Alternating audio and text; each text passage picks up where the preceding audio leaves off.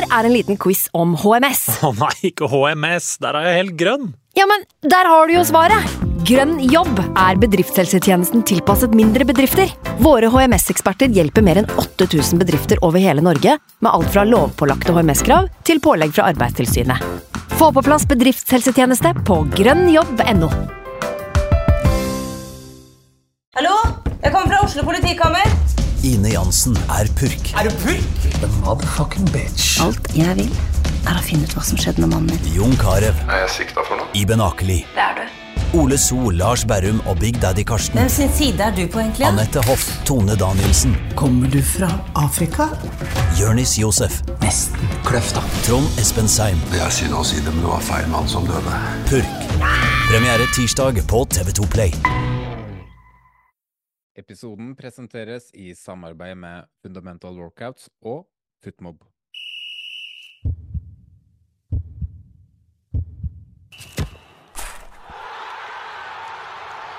er fotball, du verden. Tenk på han som fant opp fotball. Det er et bra løp! Tilbake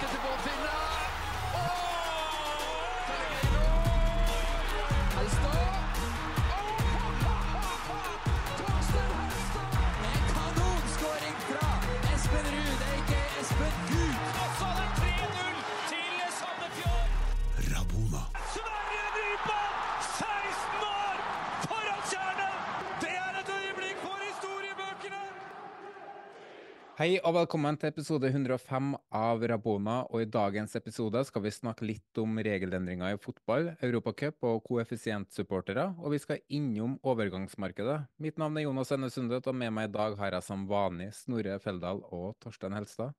Hei gutter. Hallo, som vanlig, sier du. Det, det er ikke gitt. Nei! Jeg bytta ut navnet til Frank med deg, Snorre. Ja, så da ble det som vanlig. Jeg ble samme setning som jeg hadde sist, egentlig. Ja. Vel hjem fra hytta, Torstein? Ja. Rett på gulvet. Ja, rett, ja, jeg må faktisk få meg en pult og en stol å sitte i, men det er deilig å sitte på gulvet med sofaen i ryggen, altså. Det er det. Det funker enn så lenge. Du om det? Ja, jeg om det. Du har innspilling for en gangs skyld hjemme, Snorre? Uh, ja, det blir jo litt sånn touch and go i uh, dagliglivet om man eh, kommer, rekker å komme seg eh, til eh, et egnet innspillingsrom eh, utenfor hjemmet, eller om det blir å sette seg ned rett før eh, innspilling på, på kjøkkenet med eh, hengt opp dyner som lyddempende materiale på kjøkkenet for, for anledningen, så for at det skal bli litt deiligere å høre på. da. Du er fortsatt ikke deilig å høre på, da, men uh... Nei, ikke jeg, men at det i hvert fall, i hvert fall ikke blir udeilig å høre på, da. nå tenker jo sikkert alle hvor i all verden er Frank Amundsen. Men han kommer dessverre inn i episoden om litt. Han i et møte med Glimt-ledelsen, og hva tror du de snakker om der, Snorre? Åh, hva snakker de om der? Jeg, jeg, jeg, er det lov å si det er vel en monolog, da, eh, fra Glimt-ledelsen. Og så sitter Frank og nikker og klapper og hvor bra dette går. Det er litt Nå sånn skal vi prøve å ha en Glimt-spesial neste uke, så pass litt på nå. Nei da, men jeg, jeg, jeg veit faktisk ikke hva de snakker om, jeg, for å være helt ærlig. Tromsø? Ja, det, det Tromsø? snakker, Hvordan kan vi ta Tromsø, rotta på Tromsø en gang til? ja. Eh, episode 105. Hva, hva tenker du på når du hører 105, Torstein?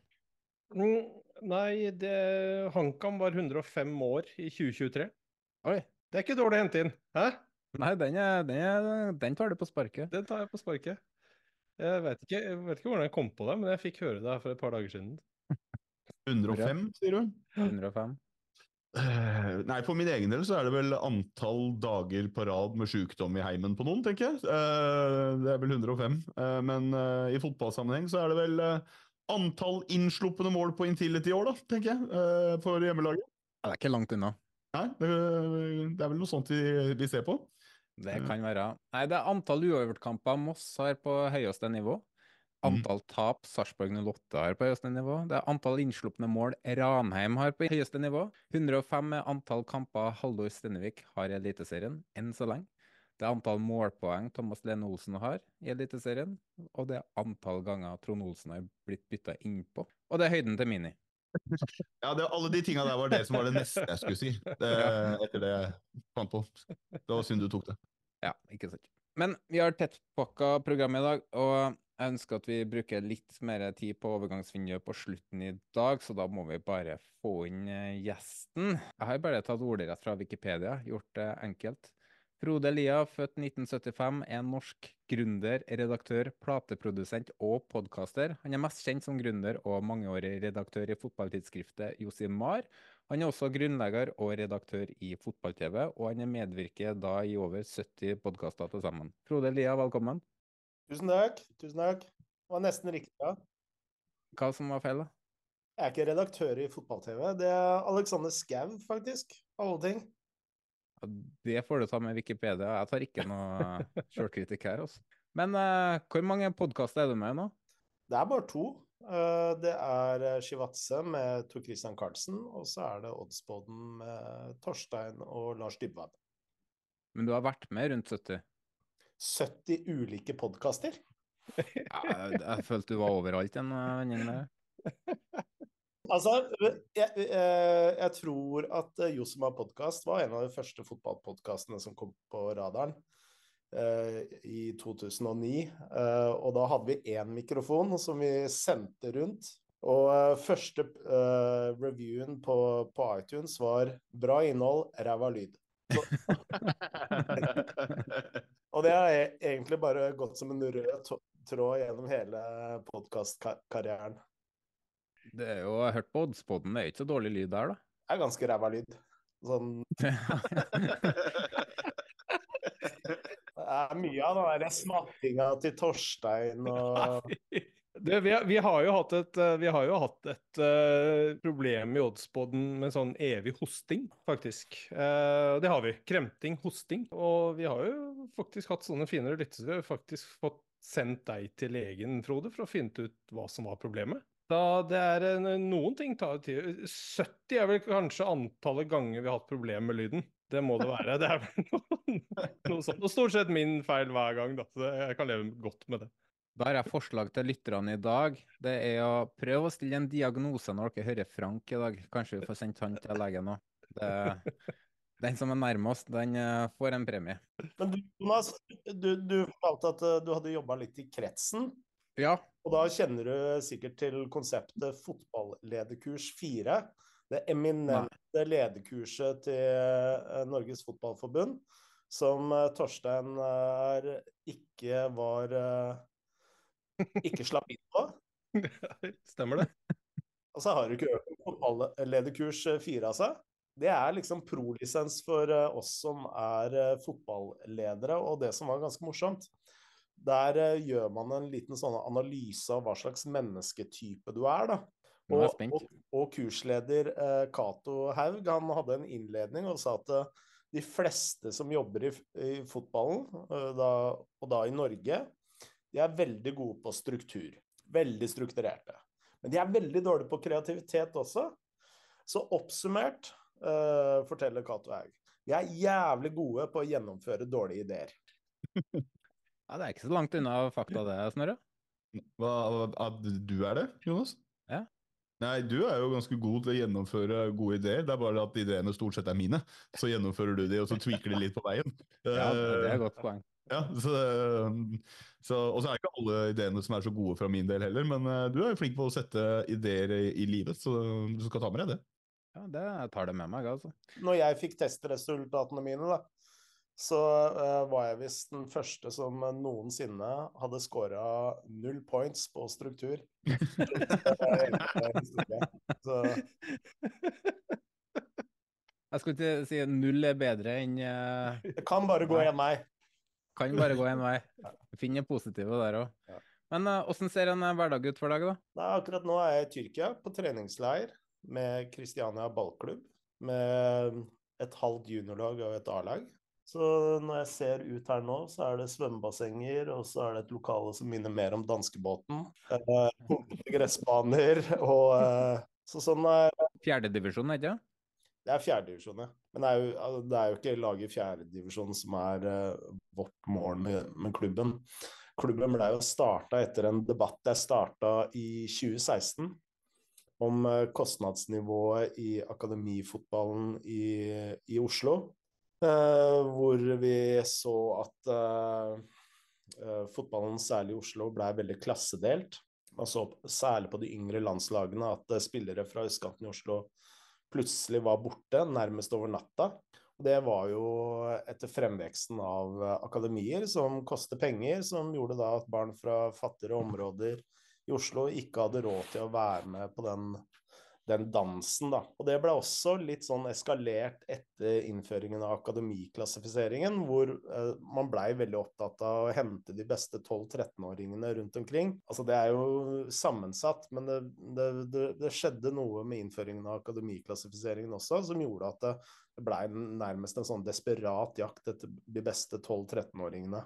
Så når barna da eh, spiller på akademier med gode trenere, kan trene så mye, mye de nærmest vil, eh, så er jo stort sett eh, tolvåringene som gått på disse akademiene, mye bedre enn tolvåringene fra Holmlia eller Klemetsrud eller andre steder. Og det, det, forsøker vi å gjøre noe med da, med Kristiania ballklubb. Det er bra tiltak, da. Jeg tenker vi går videre, men uh, først la oss sette over til litt reklame.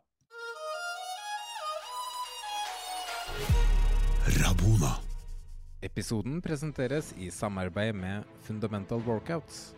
I november så hadde jeg problemer med å få utbytte av treninga. Jeg var demotivert, trøtt og sliten. Til tross for å ha mye kunnskap om trening, trengte jeg en nødvendig veiledning for å få meg på riktig spor. Fundamental Workouts ble redninga for meg.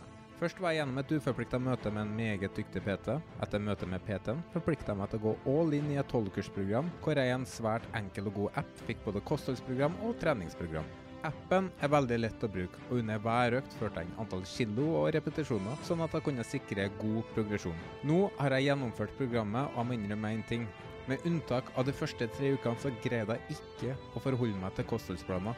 Men jeg ble veldig bevisst på å holde kaloriinntaket ned og proteininntaket opp. Nå, tolv uker senere, har jeg for første gang på to år kommet under 100 kg på badevekta. Jeg har ikke hatt større muskelmasse siden 2018. Jeg har en bedre hverdag, er mer opplagt og har mer overskudd til barn, husarbeid og ikke minst podkasten. Og det beste av alt, jeg har nå fått et bedre kosthold som jeg er fornøyd med, og som jeg vil fortsette å holde. Jeg angrer ikke på at jeg meldte meg på det tolvukersprogrammet, og med 9 kg ned, 9 kg som fort hadde vært 14-15 om jeg hadde fulgt kostholdsplaner til punkt og prikke, ser jeg fram til videre trening og vektnedgang. Har du lyst til å prøve det samme, ta et uforplikta møte med Fundamental Workouts PT i dag. Og hvis du bruker rabattkoden RABONA, får du 2500 kroner i rabatt.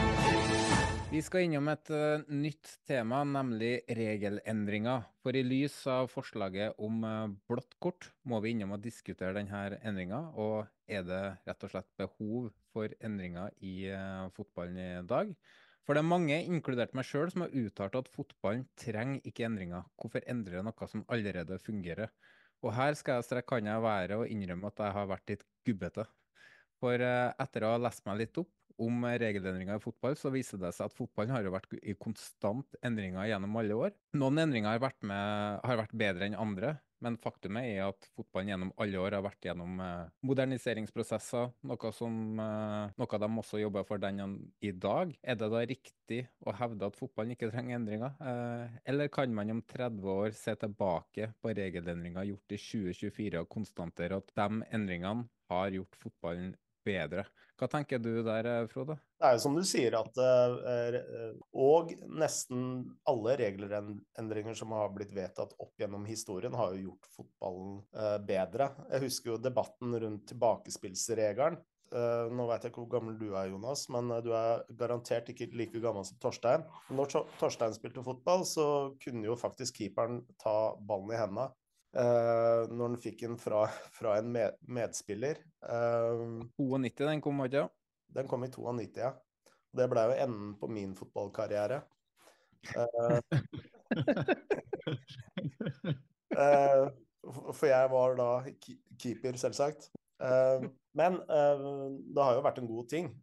men når det skal sies, så de siste regelendringene med VAR og nå forslaget om blå, blå, kort, det mener jeg har faktisk gjort fotballen dårligere. I alle andre idretter så prøver man å gjøre fotballen mer underholdningsvennlig og publikumsvennlig, mens disse regelendringene her gjør kanskje fotballen mer rettferdig, for å bruke et sånt ord. Men øh, for publikum så, så gjør det faktisk fotballen dårligere. Og det er jo stort sett aldri noe kjedeligere enn kamper hvor en spiller får rødt kort. Eneste som skjer da, er at det ene laget legger seg i forsvar, og det andre laget stanger imot. Det er det typiske scenarioet. Og jeg er ganske sikker på at det samme kommer til å skje med blått kort. Ett lag får en spiller ut, og i den perioden så vil det laget også bare legge seg bakpå. Og man får rett og slett et dårligere underholdningsprodukt. Nå vet jeg at mange supportere ikke vil, vil snakke om fotball som underholdning, men sånn underliggende så er jo fotball underholdning. Det er jo det. Det er jo det det er, selv om, altså, selv om folk eh, vil si noe annet. Men jeg, jeg setter meg jo ned for å se en nøytral kamp der jeg ikke har noe hjerte i noe lag for, fordi at jeg vil bli underholdt. Mm. Og man skal være forberedt på at fotballen kommer til å endre seg. Og når jeg eh, trener barn, f.eks., så eh, og ungdommer, så ser jeg at de ser på fotball på en helt annen måte enn det vi gjorde. Veldig få av dem har stamina til å se en hel fotballkamp fra A til Å. Så at man eh, kanskje finner Og uh, Piquet har jo eksperimentert med formatet nede i Spania, med five-a-side-kamper som streames osv.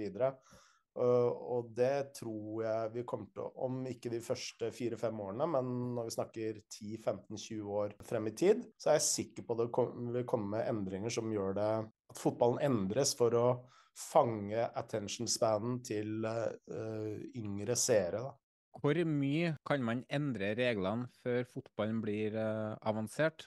Fotball er jo svært populært bl.a. takket være sin uh, enkelhet. Det er lett å spille og forstå, og derfor er det jo attraktivt både for folk i ja, alle aldre egentlig, og samfunnslag.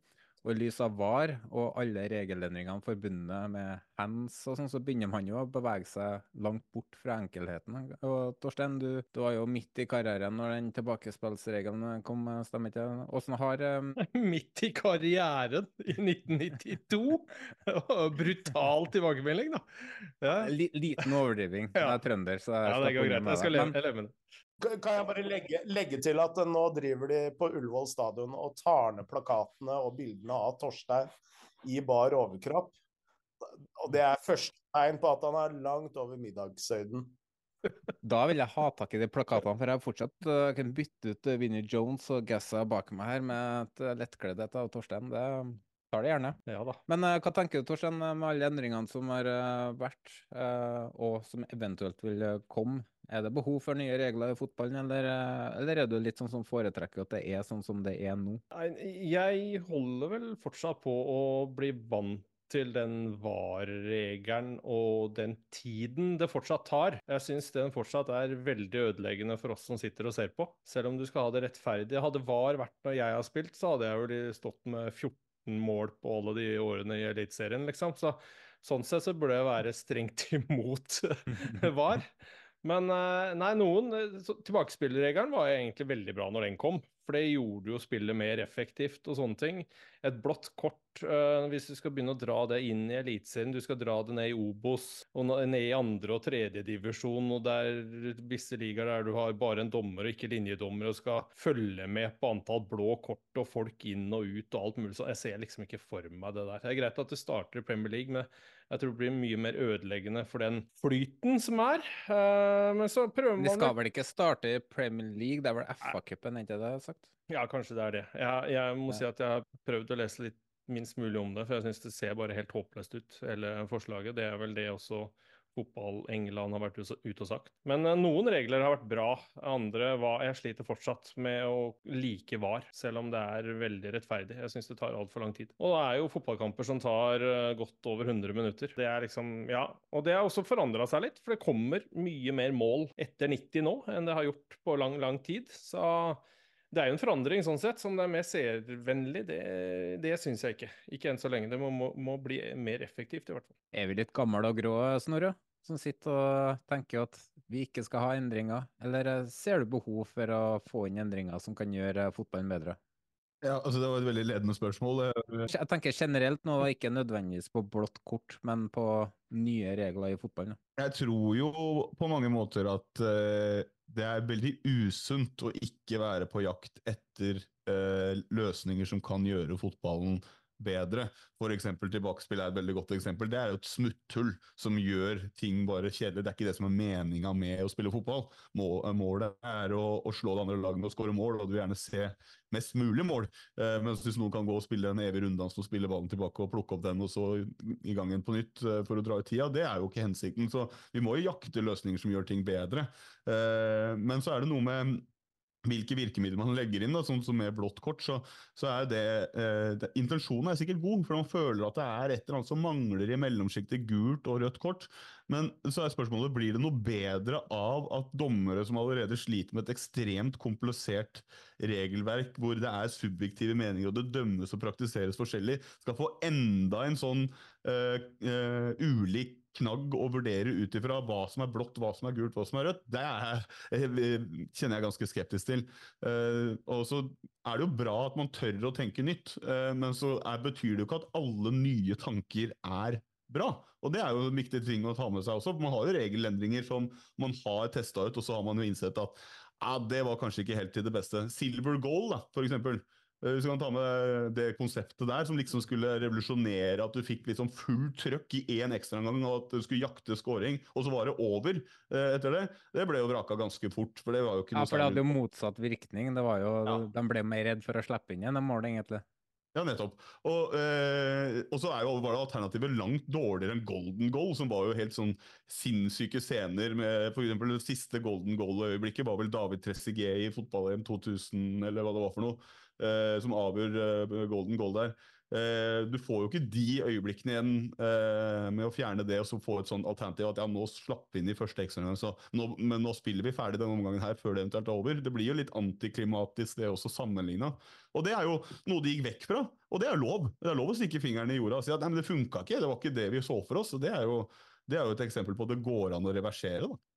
Vi kan jo håpe at de gjør det samme med VAR, og de bare går bort fra det og eh, fortsetter videre. Men uh, det har jo kommet noen regler i forbindelse med covid da, som har, uh, i hvert fall etter min mening, har gjort uh, fotballen bedre. Det ene er jo fem bytter, og så har du jo flere spillere på benken. Uh, grunnen til at jeg mener at det er bedre, er jo fordi at det er bra for unge talenter i klubbene som får plass på benken, som kanskje får ekstra minutter. og det er lettere å bytte innpå, uh, gi de debuten. Det har vi sett òg, det er flere og flere som har fått debutene sine i Eliteserien, bl.a. på et tidlig tidspunkt. Uh, noe du vil tilføye, Frank? Velkommen, forresten. Jo, takk, takk. Jeg kom nå inn midt i samtalen her, så jeg har ikke helt fått med meg alt som er blitt sagt. Men, uh, men ja, jeg, jeg, tror vi er inne på noe der han Snorre sier at uh, vi må ikke være redd for å tenke nytt. Uh, men det er veldig mye forslag som er rare, og det her med blått kort ser jeg ikke hvordan skal hjelpe fotballen fremover. Men uh, når du nevner sånn som fem bytter, f.eks., så er jo det noe jeg mener er positivt for utviklinga til fotballen. For det vil jo være eh, muligheter for at det kanskje er en 17-åring som kommer innpå i 85. minutt, som normalt sett ville blitt sittet på benken hele kampen nok en gang. Så det, det skyte på det der at eh, For å ta et eksempel på det. at vet, Man har sånn brainstorming uh, uh, sessions hvor man liksom ja, hiver ut alt, alle ideer opp på tavla mer, så får vi alt ut. Ingen dårlige ideer. Det betyr jo ikke at du må implementere alt som havner på tavla. Uh, men det er lov å tenke og så si at ja, det var mye ræl her, men plutselig så har du én veldig god idé. Og det må man jo ha mulighet til. Men det er liksom forskjell på det og og, og, tenke at alle endringer skal være bra. Det, det må være lov å være kritisk på samme tid. Det er det som gjør, eh, skaper utviklinga her, at man tester og prøver og vurderer. Ja, vi hadde jo ganske tidlig, eh, i, i, når jeg var ganske ung, så kan kanskje Frode arrestere meg, men jeg husker i cupen, den norske cupen, så var det dem som starta i tredjedivisjon, hadde fire straffer mot dem som var i tredjedivisjon som starta med tre. Kan ikke det stemme, Frode? Et par år? Der de starta med straffer før du spilte kampen. Og desto lavere du var ned i ja, divisjonen, så hadde du flere straffer. Det var jo en eh, Jeg vet ikke hvor mange år de prøvde det, men det var liksom for å, at dem som lå litt ned, skulle få en sjanse, da. Så um, det ble vel vraka etter et par år. Det samme var vel en straffe fra midt, føring fra midten i USA som de prøvde på. Det var liksom sånn Det er et sånn eksempel på noen du hiver opp på boarden. Å ja, det ser jo kjempeamerikansk. Det må vi prøve. Vi hadde jo norsk fotball i 88 med at uh, hver uavgjort kamp skulle bli avgjort med straffespark. Og da endte jo alle kamper uavgjort, omtrent. det var underholdende, da. Avslutte med straffespark. Det var ca. da karrieren var over, det, Frode? Ja, da sang jeg på siste verset, ja. Ja. Det har jo kommet noen nye regler også, som jeg var inne på. ene er jo nå at keeper kan ikke kaste ballen i mål. Det er en ganske merkelig regel. Men eh, jeg som keeper da, kan ikke kaste i motstanderen til mål. Det er jo veldig godt å vite. Da skal ikke jeg prøve på det. Um, men du kan kaste i eget mål, da. Det er, det er lov. Så du hadde Eh, ikke redda Bjarte Flem her? Nei, det hadde ikke gjort det. Nei, det Um, hadde ikke det men uh, kan altså ikke score på kasta. Og så er det en regel som alle kjenner til, at tidligere så måtte jo alle stå utenfor 16-meteren når man skulle ta kort, um, kort utspill. Eh, der kan jo lagkameratene nå stå inne i 16-meteren og motta ballen, og det er jo en regel jeg mener har gjort fotball eh, bedre, for det var jo en håpløs regel som fikk holdt på i altfor lang tid. Så er det jo uh, bytter som jeg var inne på, og så kort til lagledere. Det er jo noe av reglene som i hvert fall jeg mener har gjort fotballen eh, bedre, da. Men uh, det har jo kommet inn noen andre forslag de de siste fire årene. Arsen Wenger foreslo at det skal være innspark framfor innkast på egen banehalvdel i 2020. Og eh, cornerer som er utoverskrudd, de kunne gå utover dørlinja og så inn igjen. Og så offside-regelen, da. At uh, når du er i offside, så er det en, er en del av kroppen du kan score med foran kroppen til en forsvarer. Ja, det er, mye, det er mye forslag som ofte kommer, og som ikke blir eh, gjort noe med. Også i forbindelse med superligaplanene og eh, Florentino Pedres og Piquet osv., som mente at fotballen ikke var underholdende for um, unge personer, som mente at det skulle gå ned til 30 minutters omganger og effektiv spilletid. Hva tenker du om den regelen, Frode? Nei, Det var jo litt det jeg nevnte i stad. Du kan deg, Nå får vi en hel generasjon som har vokst opp med TikTok, Instagram. Eh, og det, det er påfallende å se hvor, hvor uh, lite oppmerksomhet de Eller hvor kort tid de klarer å holde eh, oppmerksomheten sin uh, gjennom en fotballkamp. Altså, jeg liker det jo ikke, men en ting som er litt sånn Jeg vil ikke kalle det rart, men hver gang det kommer en ny aktør, eller så kommer det også en del sånn nye forslag, fordi da har de liksom jobba med hvordan kan vi gjøre dette populært, og så ser man ofte det komme inn eh, i en hovedorganisasjon eller noe sånt eh, en del år senere. Så det, det mm, skrivet til Superligaen f.eks., det så jeg som en sånn frampek at eh, dette kan fort komme. Men jeg husker når VAR kom, så var det også en del sånne frampek. Man, noen men, trodde jo at uh, hovedmotivasjonen for å innføre VAR var for å øke re, uh, reklame i fotballen, f.eks. Man kunne bruke VAR, VAR som et, uh, en ny reklamespott. Og det er også et sånn eksempel på at en del fordommer også ikke slår til, da. Kortere omganger, ja. Jeg tror det fort kan, kan komme. Hva tenker du, Frank? Effektiv spilletid, er det noe du kunne tenkt deg? Vi har jo sett i VM og EM i enkelte kamper som er nede på 36 minutter, hvis man regner effektiv spilletid. Da har du ekstremtilfeller, men jeg har vel gjort noen regninger på det der at en fotballkamp eh, i effektiv spilletid ikke er så veldig mye mer enn en time, egentlig.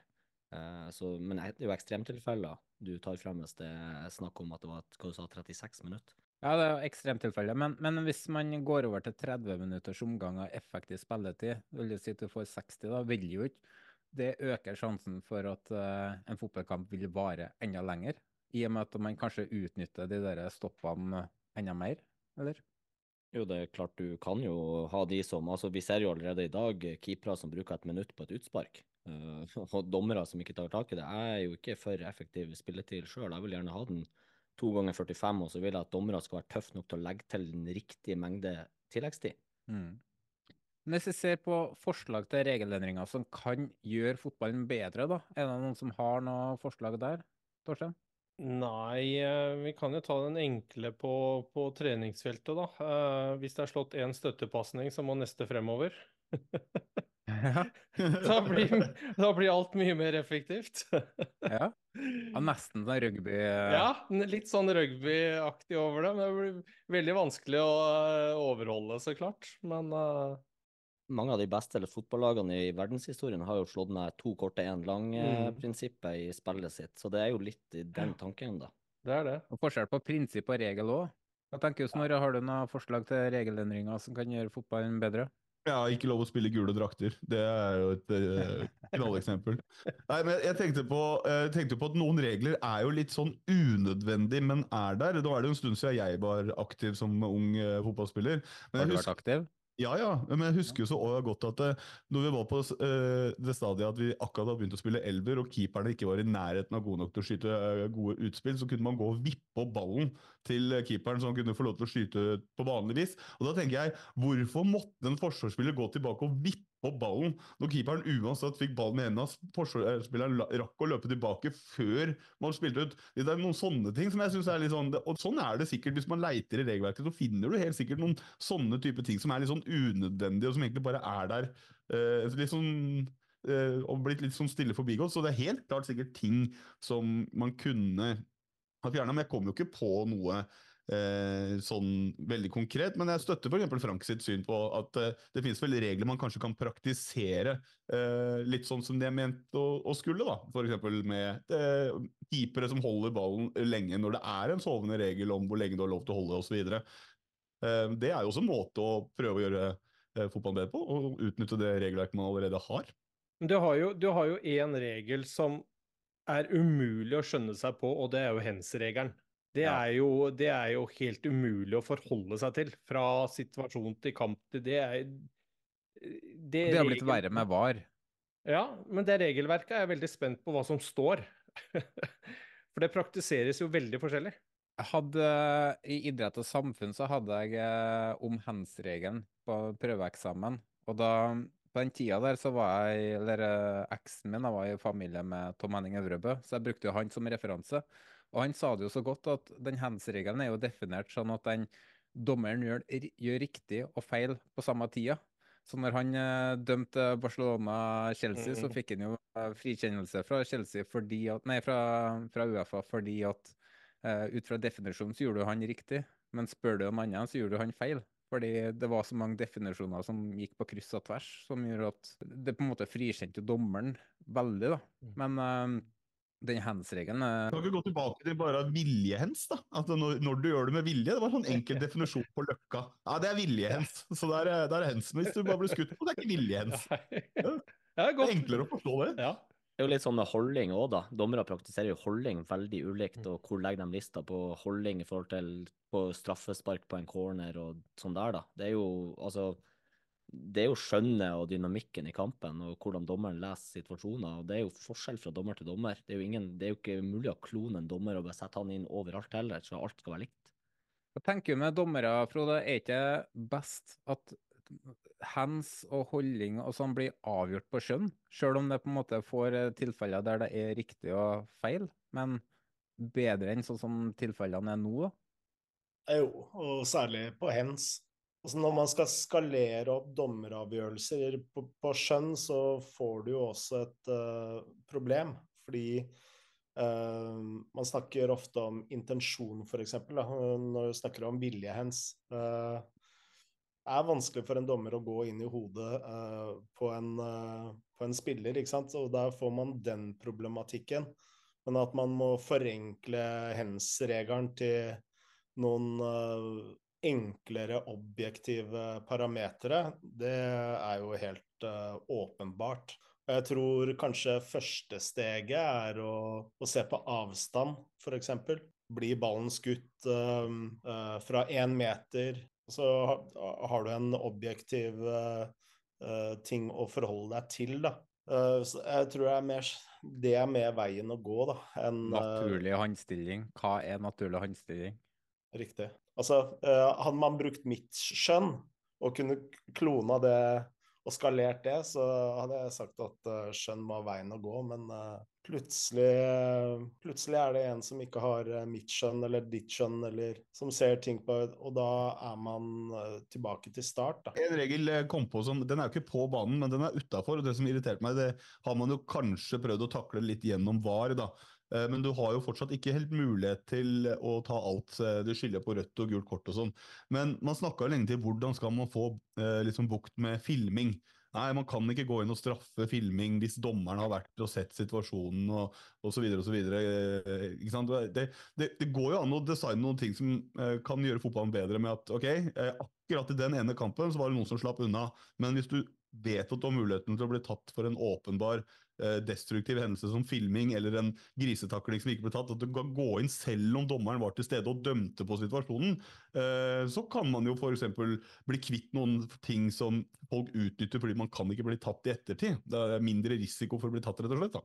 Skottland hadde en fi- fin en der eh, før var, og det var at hvis du lyktes med en filming i kamp, så kunne du bli straffa med karantene og bot etterpå. Og hvis det gjentok seg, så ble den straffa hardere og hardere. Eh, Det var jo en regel jeg savna i fotballen. I stedet for VAR, så kunne man på en måte gå inn og OK, du filma, du lyktes. Tre kampers karantene, ferdig. Og 100 000 i bot eller eh, noe sånt. Og det en eh, det fungerte jo i Skottland, så vidt jeg veit. Eller fikk med meg. Så har man jo andre regler som irriterer meg. Det er jo den offside-regelen med at keeper ikke skal eller at hvis keeperen er ute i feltet, så er bakerste forsvarsspilleren eh, regnes ikke i den derre ja, Hvis dere skjønner hva jeg mener? Ja. Den er jo helt Den er bare teit, spør du meg. Effektiv spilletid siste ti minuttene for å få bort eh, drøying på slutten. Tilleggstid som blir avgjort av et sekretariat og ikke en dommer på banen. Eh, forslag til endringer fra min sin side, i hvert fall. Kan jeg bare komme med et lite innspill? Kanskje litt på, på sida med dette med filming. Og eh, det å få bukt med filming, det er jo et veldig nordeuropeisk eh, fenomen. For Hvis du drar til Sør-Amerika f.eks., så blir jo filming nærmest applaudert.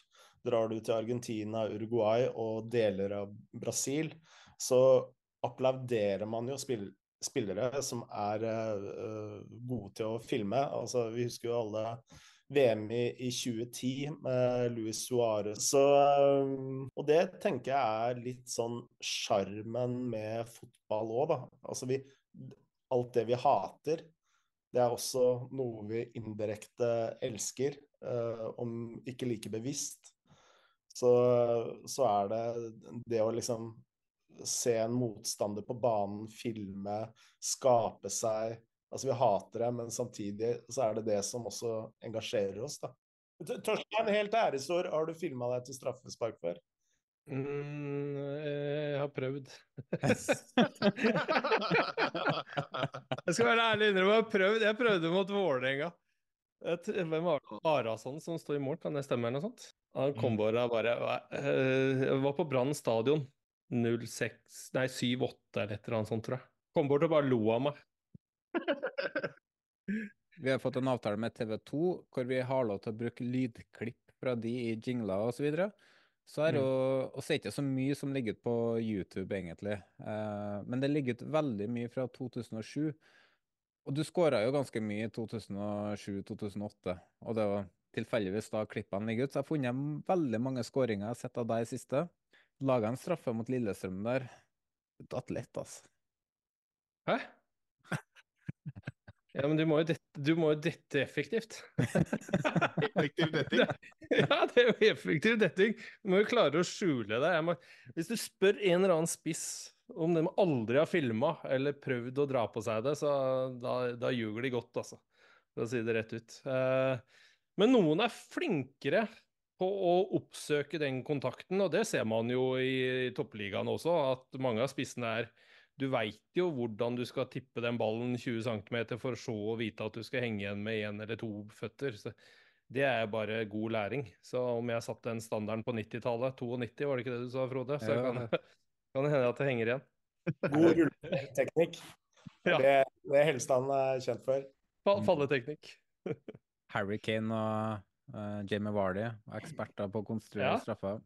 Jep. Um, vi går videre, vi. Uh, vi må innom uh, Vi pleier jo å dra inn en retroheltspalte eller en slangespalte, og i uh, dag så tenkte jeg at vi skulle kjøre på med en eh, retrohelt. Jeg kan jo gå gjennom lista vi har til nå. Vi har kun fått inn fire mann, og på førsteplass ligger Myggen, fulgt av Dagfinn Enerly, Morten Berre og Thomas Pereira.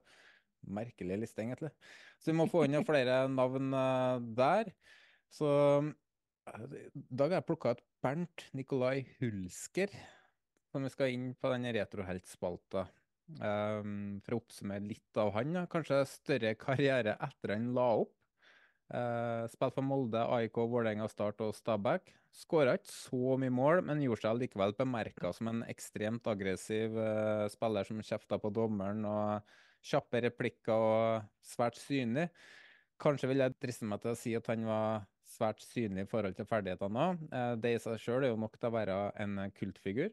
Var for all del ikke dårlig, men han var, han var ikke klasse heller. um, hvis vi skal legge til tida etter at han la opp til grunn, så har han deltatt i 1000 reality-program, nesten like mange podkaster som eh, Frode.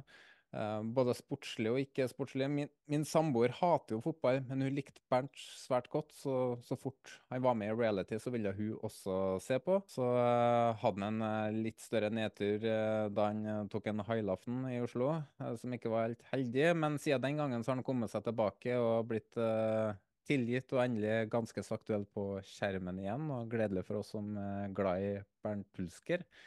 Um, Frank, hvor tenker du at han eller noe du vil tilføye?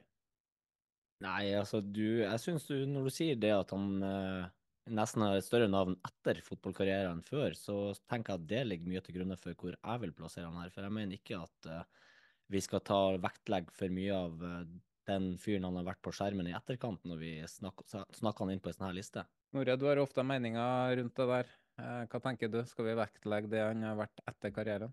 Ja, eh, skal man det, og i hvilken grad, da? Det er jo det. Altså, det er jo kanskje umulig å ikke eh, vektlegge det til en viss grad, eh, fordi det er jo noe, noe der som er med rundt eh, fotball og bygge opp rundt videre og vært sentral i, i fotballen også. Jeg veit ikke om jeg vil klassifisere vådeskuddet i Kompani Lauritzen som veldig avgjørende for hvor jeg plasserer han på denne lista her. Men Eh, men altså, apropos sånn effektiv dekning og sånn, så har du et klipp fra et derby mot Lillestrøm hvor han er inne med knær og albuer og sånn, og så er det en liten touch tilbake og ser ut som om han har fått et skudd i, i brystkassa og faller omtrent om. Så det, er, det, var jo en type, da. Eh, og det er vel den klubben han har spilt desidert færrest A-lagskamper på, også han har sitt eneste seriemesterskap med. Det er også en sånn kul greie å ha med seg. Altså, eh, det, det han sier vel at han, når han var innom her, så sa han vel noe sånt at var vel ikke Han følte vel ikke at han var den sentrale brikken i at det ble et seriegull, men allikevel at han dro med seg den. Og da har han jo noe å vise til, og det er jo det, Han har jo bidratt, det er når jeg oppsummerer det liksom sånn. Bidro nok eh, i garderoben, antar jeg, i, i stor ja. grad. Men eh, du sier jo at eh, kanskje vi skal legge til rette det etter karrieren litt, og det mener jeg òg, fordi at når han spilte, så var jo han ofte en spiller som man mislikte litt. da som en uh, typisk sånn dra-til-tryne. Og etter at han la opp og ble litt mer kjent i media, så begynte man etter hvert å skjønne hvem han var. Og da, da ga plutselig alt annet en mening, da. Men Torstein, du har jo spilt mot den, uh, Bernt. Hvordan husker du han som uh, aktiv? Jeg husker han vel, som dere sier, en sånn som kunne terge på seg alt og alle. En som egentlig er ganske fin å ha på laget, eh, hvis han også var eh, effektiv. Eh, han har jo skåret noen fire, fine mål, eh, Hulsker også, og har jo hatt mange gode fotballkamper. Eh, men var jo den som kunne rive litt opp i et motstanderlag og ødelegge mer på egentlig på å være på banen i, i visse kamper. Så jeg, jeg syns bare det var morsomt med Bernt. Eh, han hadde masse kvikke replikker. Du sto jo og lo når du var i nærheten, for det var jo, det var jo veldig morsomt. Du hadde mange på den tiden der som eh, sa veldig mye morsomt underveis i kamper, inkludert dommere. Som bare feide spillere av banen fordi de ikke har prestert i det hele tatt når de prøvde å være kjekke. Så det var eh, det, Nei, Bernt var en av dem uh, som kunne komme under huden på mange av uh, motspillerne. Og så kanskje det gjorde rom til andre som kunne blomstre. Så, og uh, truffet Bernt mange ganger i etterkant også. Er jo en uh, veldig hyggelig uh, type som man fortsatt ler mye av. Så, og så har han, han har gjort mye bra for norsk fotball i etterkant. Det har han. Med å bygge interesse med alle de programmene som han har holdt på med. Så vi får kanskje ta det med litt i, i boksen etterpå. Og så tenker jeg, Du sier han var en type som kanskje kom litt under huden og kunne irritere på seg folk også. Men han, som sagt, han var ikke veldig lenge i Vålerenga, fikk mange A-lagskamper der. Men han fikk fortsatt en egen Bernt Nikolai-sang av uh, klanen på den tida. Uh, hvis du klarer det på ganske kort tid, så har du også en evne til å både irritere motstandere og de du spiller imot, men også spille deg inn i hjertene til supportere. fordi det, det er ikke sånn at supportergrupper lager sang til alle. Noe kanskje med litt ironisk distanse, eller litt fordi det er en artig sang. men uh, det er jo en egenskap det å klare å spille seg inn på ganske kort tid. og Da er det jo kanskje ikke bare det fotballfaglige, men personen du er, og hva du tilfører klubben. da. Så det må jo nevnes, føler jeg. Det var definisjonen på kulthelt, spør du meg, da. Hva tenker du, Frode? Har du noe du vil tilføye? Nei, Jeg bare tenkte på det Vålerenga-laget. Altså, det var jo et lag fullt av kulthelter. Med Steffen Iversen, Ronny Johnsen, kampfiksingsdømte Steffen Carl. Altså, det var mye, mye rart der. Ekstremt gøy Vålerenga-lag å, å, følge, fordi det var egentlig bare en samling Eller dette er vel kanskje litt sånn flåsete å si, men det var en sånn samling av veldig smarte fotballspillere. Sånn som Steffen Iversen tror jeg er noe av det, og Ronny Johnsen er kanskje de to smarteste fotballspillerne jeg har sett på en norsk bane noensinne. Og du satt med en sånn følelse at uh, særlig de to de spilte kanskje på 80-90% men det var så mye bedre enn alle andre. Alle ballene gikk alltid riktig. Uh, alle dueller ble vunnet med Jeg husker Ronny Johnsen han var ekstremt flink til å holde i drakta til motspillerne, men å slippe akkurat i riktig tidspunkt og gi en uh, liten dytt akkurat før ballen kommer. Så han uh, trengte jo ikke å hoppe opp i duellen engang, han. fordi dytten kom akkurat i riktig tidspunkt. og akkurat sånn ikke for hardt til at det ble frispark, men akkurat nok til at han fikk to-tre centimeter til å bare hedde den videre. Og jeg husker intervjua eh, Nils Arne Eggen en gang, og, som snakka om Odd Iversen, og, og at han hadde flue, uh, flueøyne. Og det var også en sånn ting jeg, jeg så på Steffen Iversen. Altså, han hadde alltid orientering uh, 360 grader hele tiden. Og dette var en periode lenge før Geir gjorde, og før alle prata om persepsjon og orientering. Så var det sånne ting som bare satt helt naturlig hos Steffen Iversen. Og så kommer da Bernt Hulsker i tillegg, som uh, prikken over i-en. Og gir noen albuer og skårer litt mål uh, siste 15 minuttene. Så har veldig gode minner av det Vålerenga-laget. Vi må nesten få inn eh, Bernt på en liste her, da. Vi kan jo starte bånn, så er det bare fire stykker her. Eh, Frank, skal han over eller under Thomas Pereira? Ja, vi kan, gå, vi kan sende han over om Thomas Pereira, og det sier jeg litt pga. det at han Thomas Pereira Jeg var såpass ung da Thomas Pereira var på sitt beste for Viking at jeg huska ikke han godt nok. Hva tenker du, Frode? Skal han over eller under Thomas Pereira? Han er helt klart over. Snorre, det er vel over? Ja, jeg er over på den. Husker jeg ikke hva som kommer etter, da, men akkurat den er jeg jo litt sånn med, med Frank. da, at eh, det, det, er ikke de største minnene fra Thomas Pereira på meg, så Bert Hulsker har vært en større kulthelt for meg personlig. i hvert fall. Pereira kommer til å være en trener vi snakker om de neste ti årene. Det kan godt hende. Kan uh, kanskje komme inn på lista på nytt, da, men da som trener Thomas Pereira. Det går an. Jeg kan tappe akkurat 6-0 for eh, Haugesund, men uh, kanskje, kanskje, neste gang. Torstein, vi kan jo ta nesten på lista, siden det er avgjort. Morten Berre, over eller under? Åh, Berre er jo ah, Tenk, må tenke for deg sjøl nå, da. At det, det ja. er dine preferanser. Mine preferanser så er nok uh, Nei, Berre er større enn Hulsker for meg, altså. Frank? Jeg er enig med han Torstein. Jeg har han Hulsker utfor pallen her. Frode? Jeg bare er topp. Så du kommer ikke høyere enn Morten Berre. Jeg drøyde det bevisst, eh, Snorre, for jeg veit hva svaret blir. Ja, altså, jeg er veldig glad for at, jeg, at jeg slapp å sitte på avgjørelsen her, men jeg er veldig glad for at det er samstemt. Fordi eh, altså, man snakker jo fortsatt om at Berre må opp balansen. Eh, og det sier jo litt om standingen han har eh, i Vålerenga ennå. Så det er klart han er over Bernt Hulsker der, så altså, da blir det jo uh, utafor pallene. Jeg snakka med Bernt i dag, han skal være med som gjest om uh, kort tid. Så det Få se da om han har lyst til det nå. Han er jo... Jeg har en litt uh, morsom uh, Morten Berre-historie, men uh, ikke, egentlig ikke om Morten Berre. Men han, han, trente jo i Skeid og følg, fulgte Skeid 2. Og mitt kjære Kristiania ballklubb møtte da Skeid 2, hvor Tom Nordli var jo trener Selvføl uh, selvfølgelig var han det. men han sto på andre sida, og så leda, leda vi 2-1 eller noe sånt noe, til pause. Og da spilte vi oppe på eh, din bane, Torstein, oppe i- på Reddy. Og da uh, hørte vi Tom Nordli inne i garderoben, og jeg ser for meg at uh, han skreik 'Jeg skal faen ikke tape for Frode fuckings Lia'. Uh, og inn, inn satte han på eh, en rekke A-spillere, bl.a. han Ismail, som senere gikk til Fredrikstad og så til League A. Og han eh, venstrebekken vår er ved svimmel en eh, enda, og vi tapte 5-4.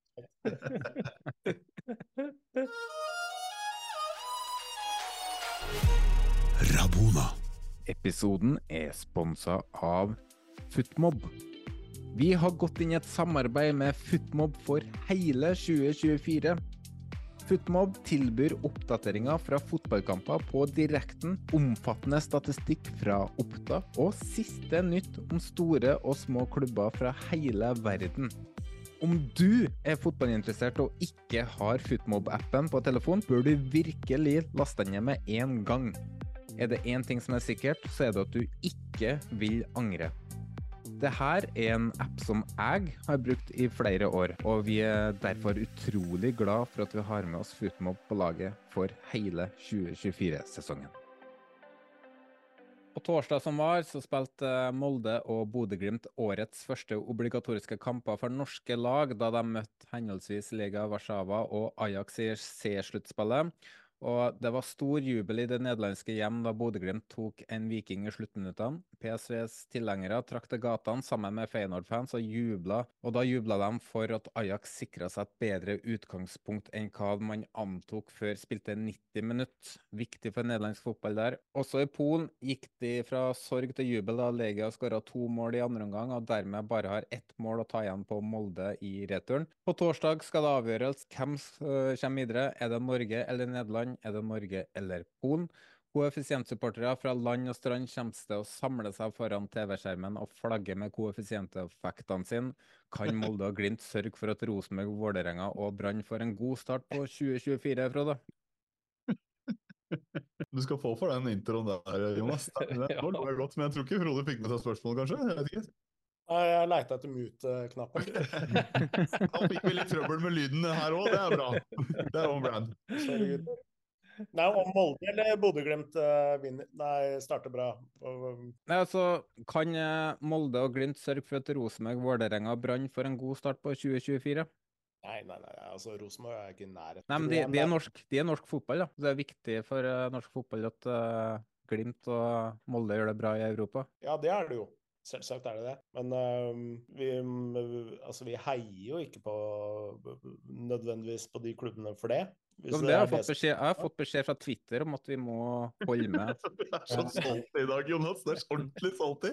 Ja, men jeg, jeg, jeg leste på Twitter at jeg er nødt til å holde med, hvis ikke så er jeg ikke supporter av norsk fotball. Ja, men er du det, da? Eh, Jeg, jeg, jeg, har, jeg fikk beskjed om at jeg har en podkast om Eliteserien, så da må jeg være det. Utrolig bitter. Men, ja, men, men jeg kan spørre spør deg da, Jonas. Er du, er du supporter av norsk fotball, eller hva, er du, hva definerer du deg som? da? Ja, det er jeg. Jeg er supporter av norsk fotball. Men av andre hva skal jeg kalle det, hensyn. eh, jeg ønsker at det skal bli mest mulig engasjement og interesse rundt norsk fotball. Jeg håper jo at Bodø-Glimt og Molde taper 10-0. Men det blir, det blir du interesse av. Da, da blir det jo klikk. Ja, ja, for da kan jo vi drive og melde på de på Twitter, og så blir det litt Det er jo sånn det fungerer, ikke sant? Jo, det virker jo litt sånn. Men um, så jeg bare, det, det som slår meg på det, er jo den der frasen 'bra for norsk fotball'. Det er den som går igjen. Frasen 'bra for norsk fotball'. Da lurer jeg liksom på øhm, øh, hva man legger i det, og det har jeg prøvd å forstå. da. Altså, noen legger liksom økonomi i det, og det er, jo, det er jo økonomiske fordeler av lag som gjør det i, bra i Europa. Det er det vel ingen som benekter. Eh, at man kan få flere europaplasser, er det vel heller ingen som benekter at det er en mulighet hvis du får nok eh, koeffisientpoeng. Eh, man ser også en effekt av at spillere selges for mer penger ut av Norge. Eh, også, så det er ingen som benekter at det har noen ringvirkninger her. Men så er det, hvem er det da bra for, og hvem er det liksom best for? Det er det jeg liksom sitter igjen med da, når man ser på det der skal man heie på. fordi Eh, For det første så definerer ikke jeg meg som fan av norsk fotball, jeg definerer meg som fan av Vålerenga, og så er jeg interessert i norsk fotball. For det andre så, så gjør jeg en slags sånn evig nytte-kost-analyse av hva er best for eh, mine drømmer som supporter, og jeg er jo ikke utelukkende positiv for at Bodø-Glimt kan kjøpe Faris Pemi for 3-4, og så ett år senere så selges han opp for 90 millioner. Jeg ser ikke helt hvordan eh, det gapet kan tettes med det første. Da. Så jeg, det er det som bekymrer meg, det gapet. Eh, og det er da jeg blir litt sånn at de dreies over til at vi er på et slags fellesprosjekt om at vi skal gjøre det beste for norsk fotball, og at alle bidrar til det.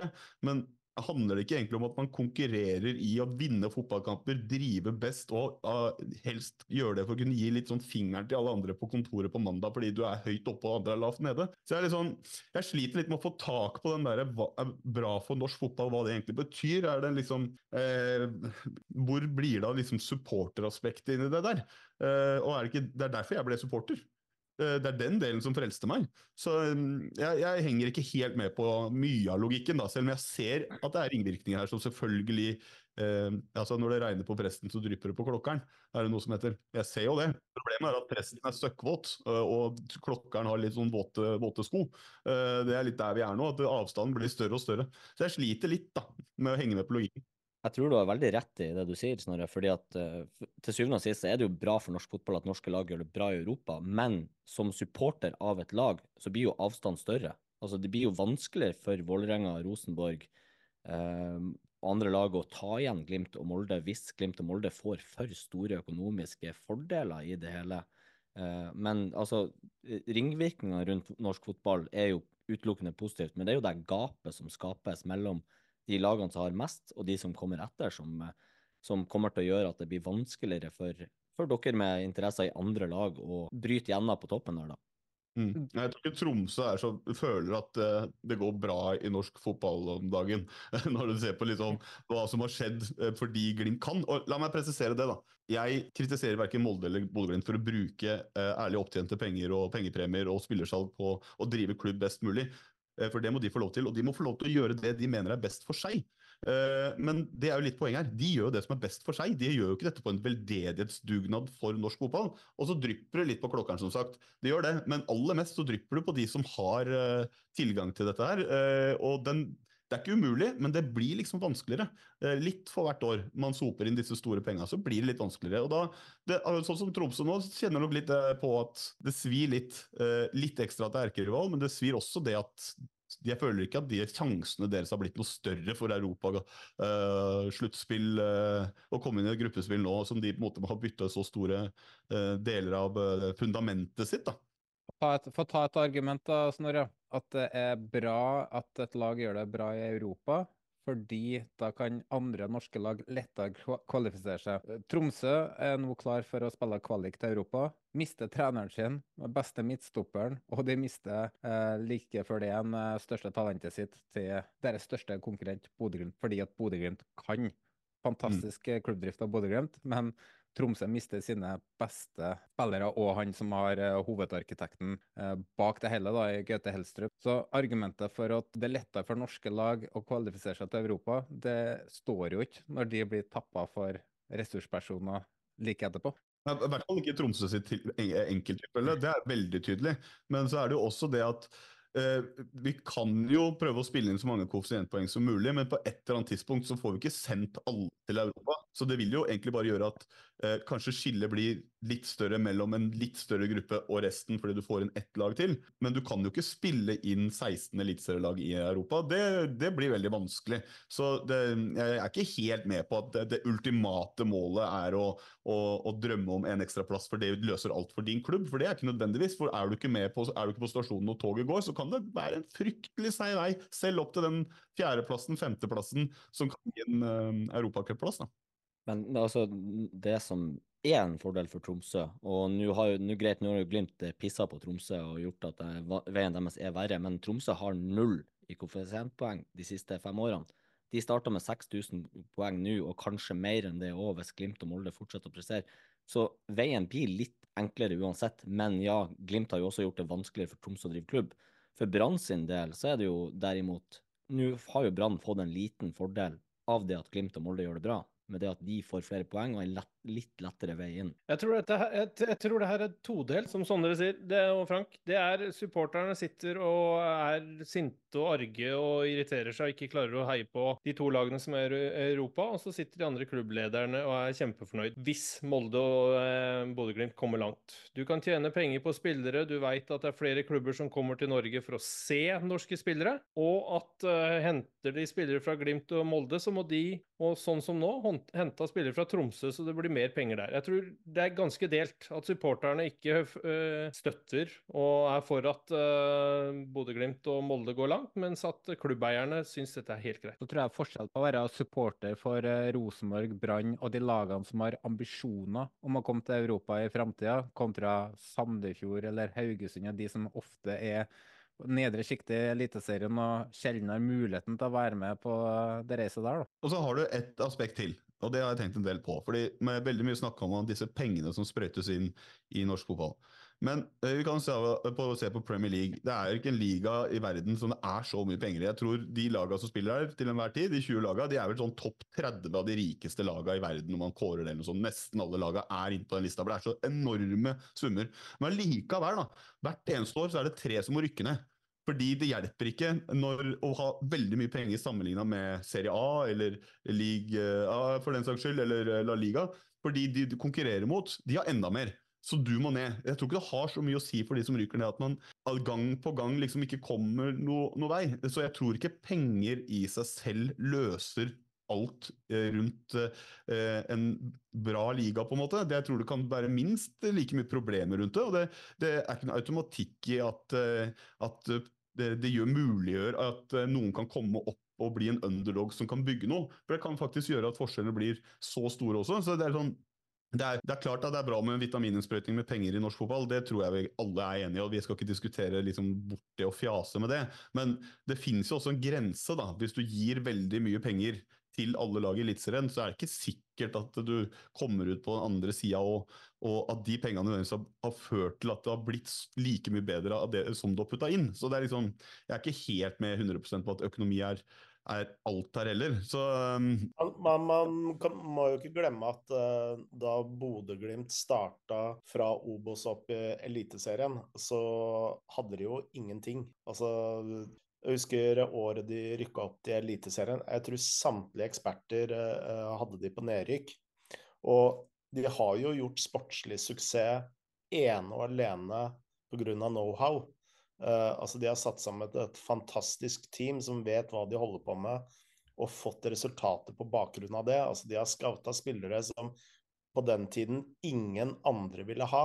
Altså De, uh, de uh, henta benkslitere fra uh, Obos-ligaen. Og det samme har jo Tromsø også gjort uh, de siste årene.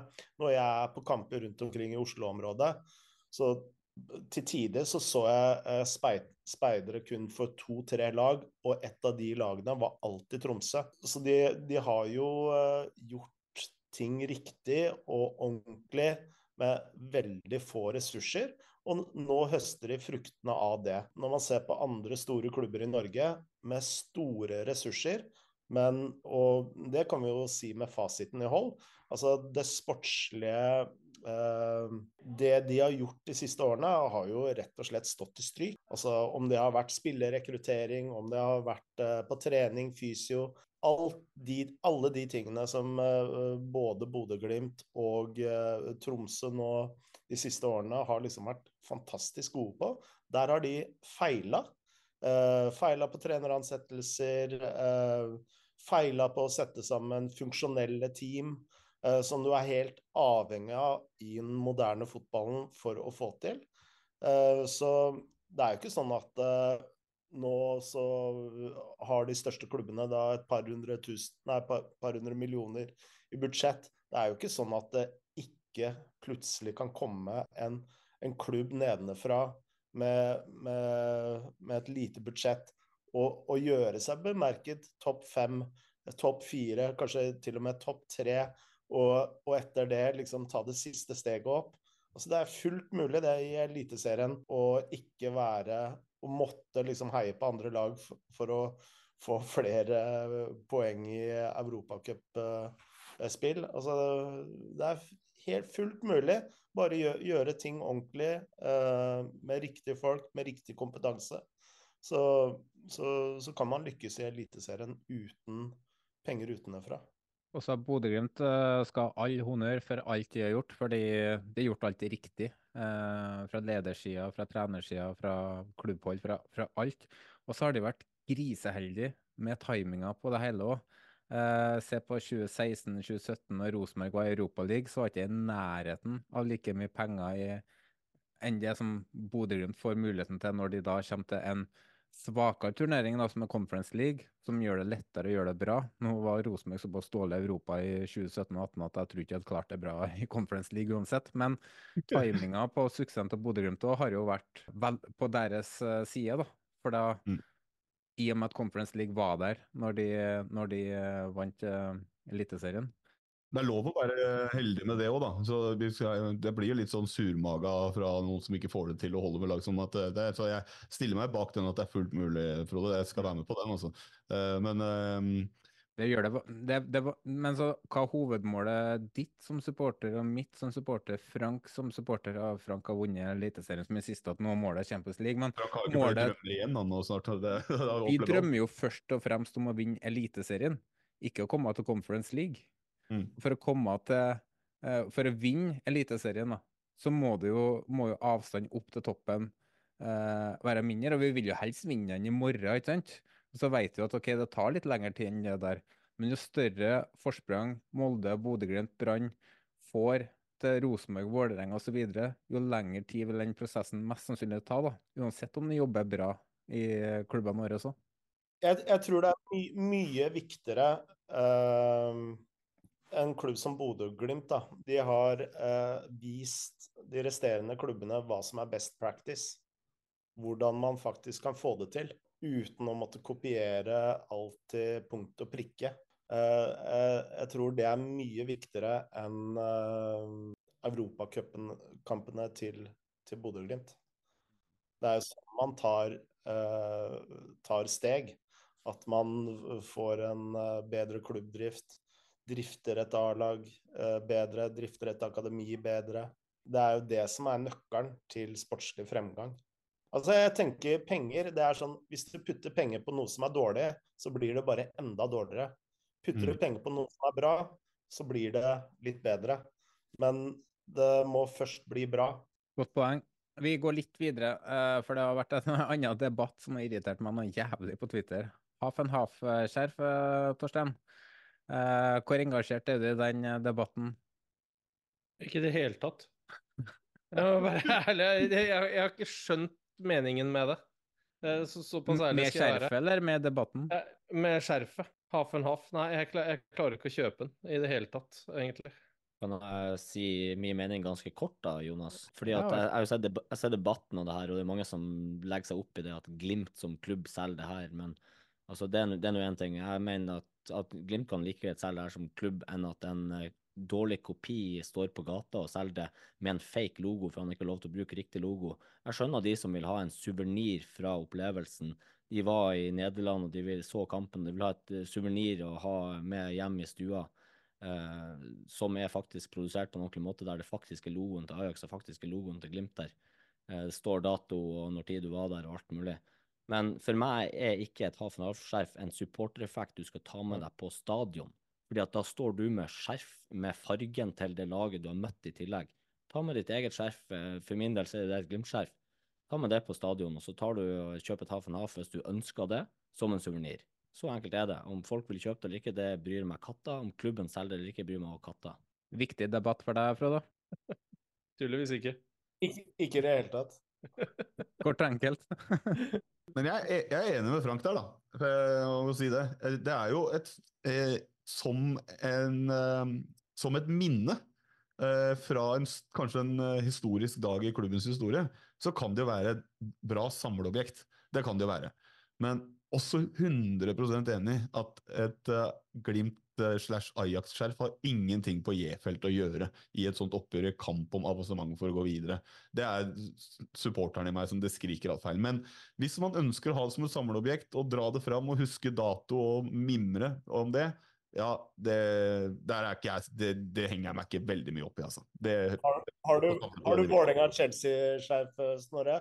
Jeg har ikke det, eh, men jeg skulle jo kanskje ønske at uh, fattern hadde vært kjøpt det av en sånn gateselger i London når vi var der, for jeg var jo der, og sett på det nå. Skulle kanskje ønske at jeg hadde det, sånn, men jeg ville jo ikke tatt det med meg på Østblokka når vi skal åpne mot Sogndal i april nå. Det blir jo liksom, Da er vi jo litt på ville veier igjen. ikke sant? Så det er noe som et minne, som et samleobjekt, eh, kan jeg forstå det. Og eh, som supportereffekt på tribunen, så syns jeg er helt borte. Men det er kanskje det som gjør det vanskelig. da. Folk tar det jo med inn på stadion, for det selges jo. Så eh, du klarer jo liksom ikke å nekte folk å gå inn med det skjerfet. Debatten har vel egentlig dreid seg mest på at de i det hele tatt blir laga. Det skjønner ikke jeg så mye av. Folk får nå kjøpe, kjøpe seg det de har lyst på. Eh, man trenger ikke å reagere på alt. Og så håper jeg en eller annen lytter eh, der hjemme produserer et uh, Vålerenga-Egersund-skjerf til Snorre for 2024-sesongen. Til Vålerenga lynskjerf i de derbene vi skal ha der, det kommer sikkert til å gå som varmt hvetebrød, det. Utafor Ullevål og inntil de to uppera der. Og Jeg kan bekrefte fra å ha vært inne i Amsterdam nå at du får faktisk kjøpt alt. Ja, ok. Trenger ikke gå mer inn på det, Frank. Vi eh, kan gå og ta kjapt om kampene nå, da. Eh, jeg skal innrømme at jeg fikk ikke sett noen av de. Eh, Molde leda 3-0. Eh, mye jinxing i pausen på den kampen på Twitter, og det endte eh, 3-2. Torstein, du fikk sett Molde mot Lega. Hva tar du fra den kampen? Et eh, veldig effektivt Molde-lag i første 45. Uh, og kunne faktisk ha ledet uh, mer, og etter hvert eh, ikke med i det hele tatt. Så det var egentlig fortjent at eh, Legia skårte i hvert fall to, ut ifra de sjansene de skårte. Nei, skapte, heter det. Så jeg tror det, det var litt preg av uh, ut av sesong utover i kampen. Så mm, det kan bli De må i hvert fall være like effektive der nede hvis de skal ha en mulighet over to kamper. Rabona. Det kan vi gjøre. Eh, Jonas fikk eh, deale med noen unger, og da hopper jeg inn som den supersuben jeg eh, kan være.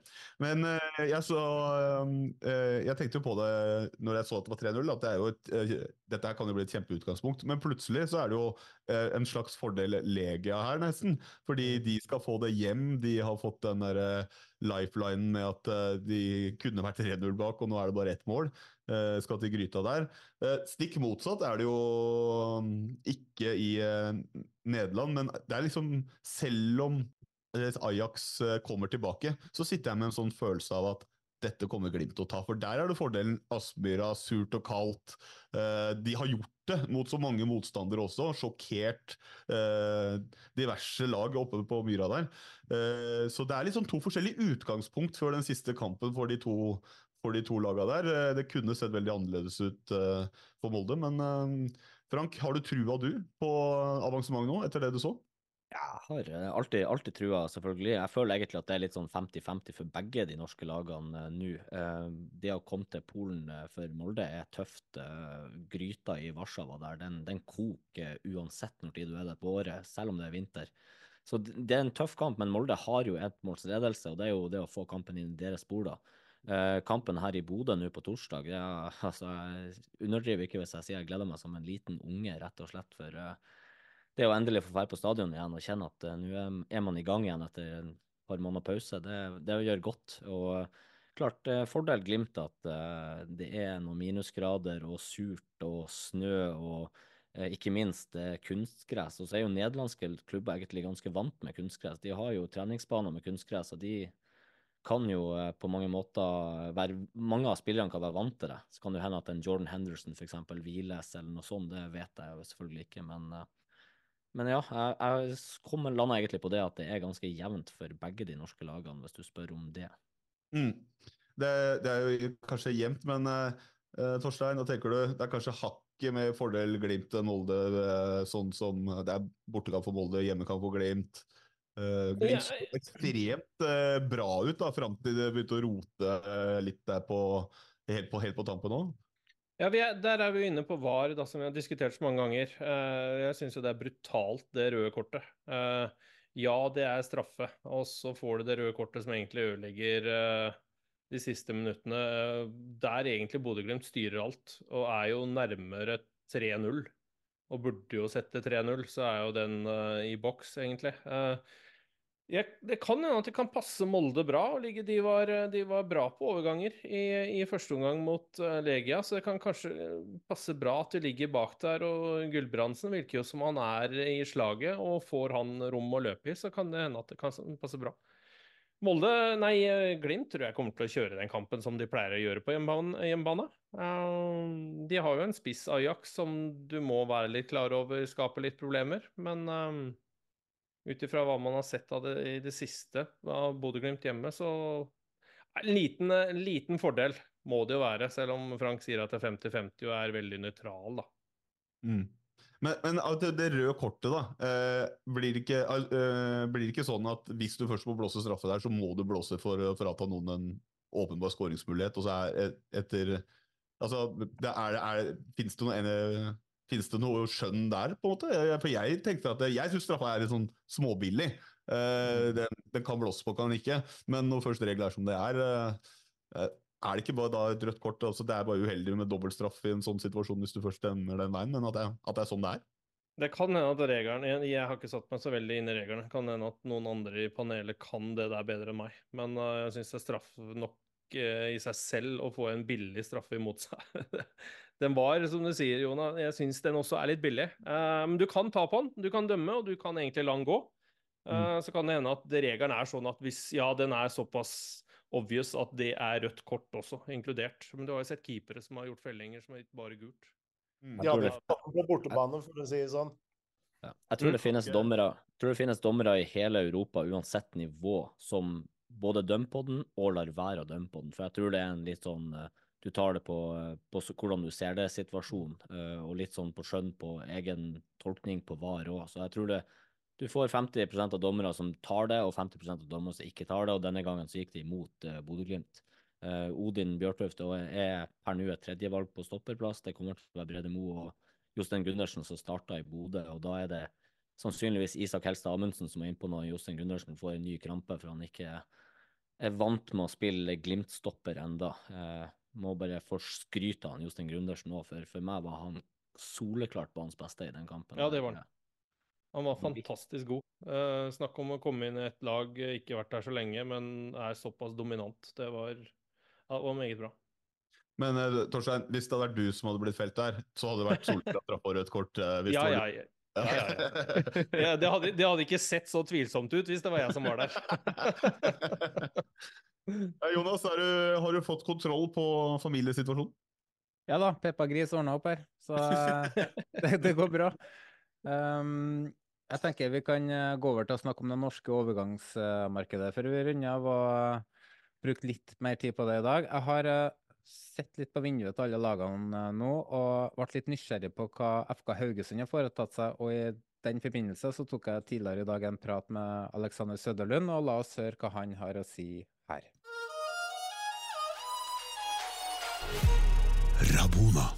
Vi har med oss Alexander Søderlund, hvor vi skal se litt kjapt på overgangsvinduet til Haugesund til nå i år. For det har kommet inn ganske mye spennende, i tillegg til en ny trener. Men uh, først, Alex, hvordan er ståa hos deg nå? Du har jo lagt landslagskarrieren på hylla. ja.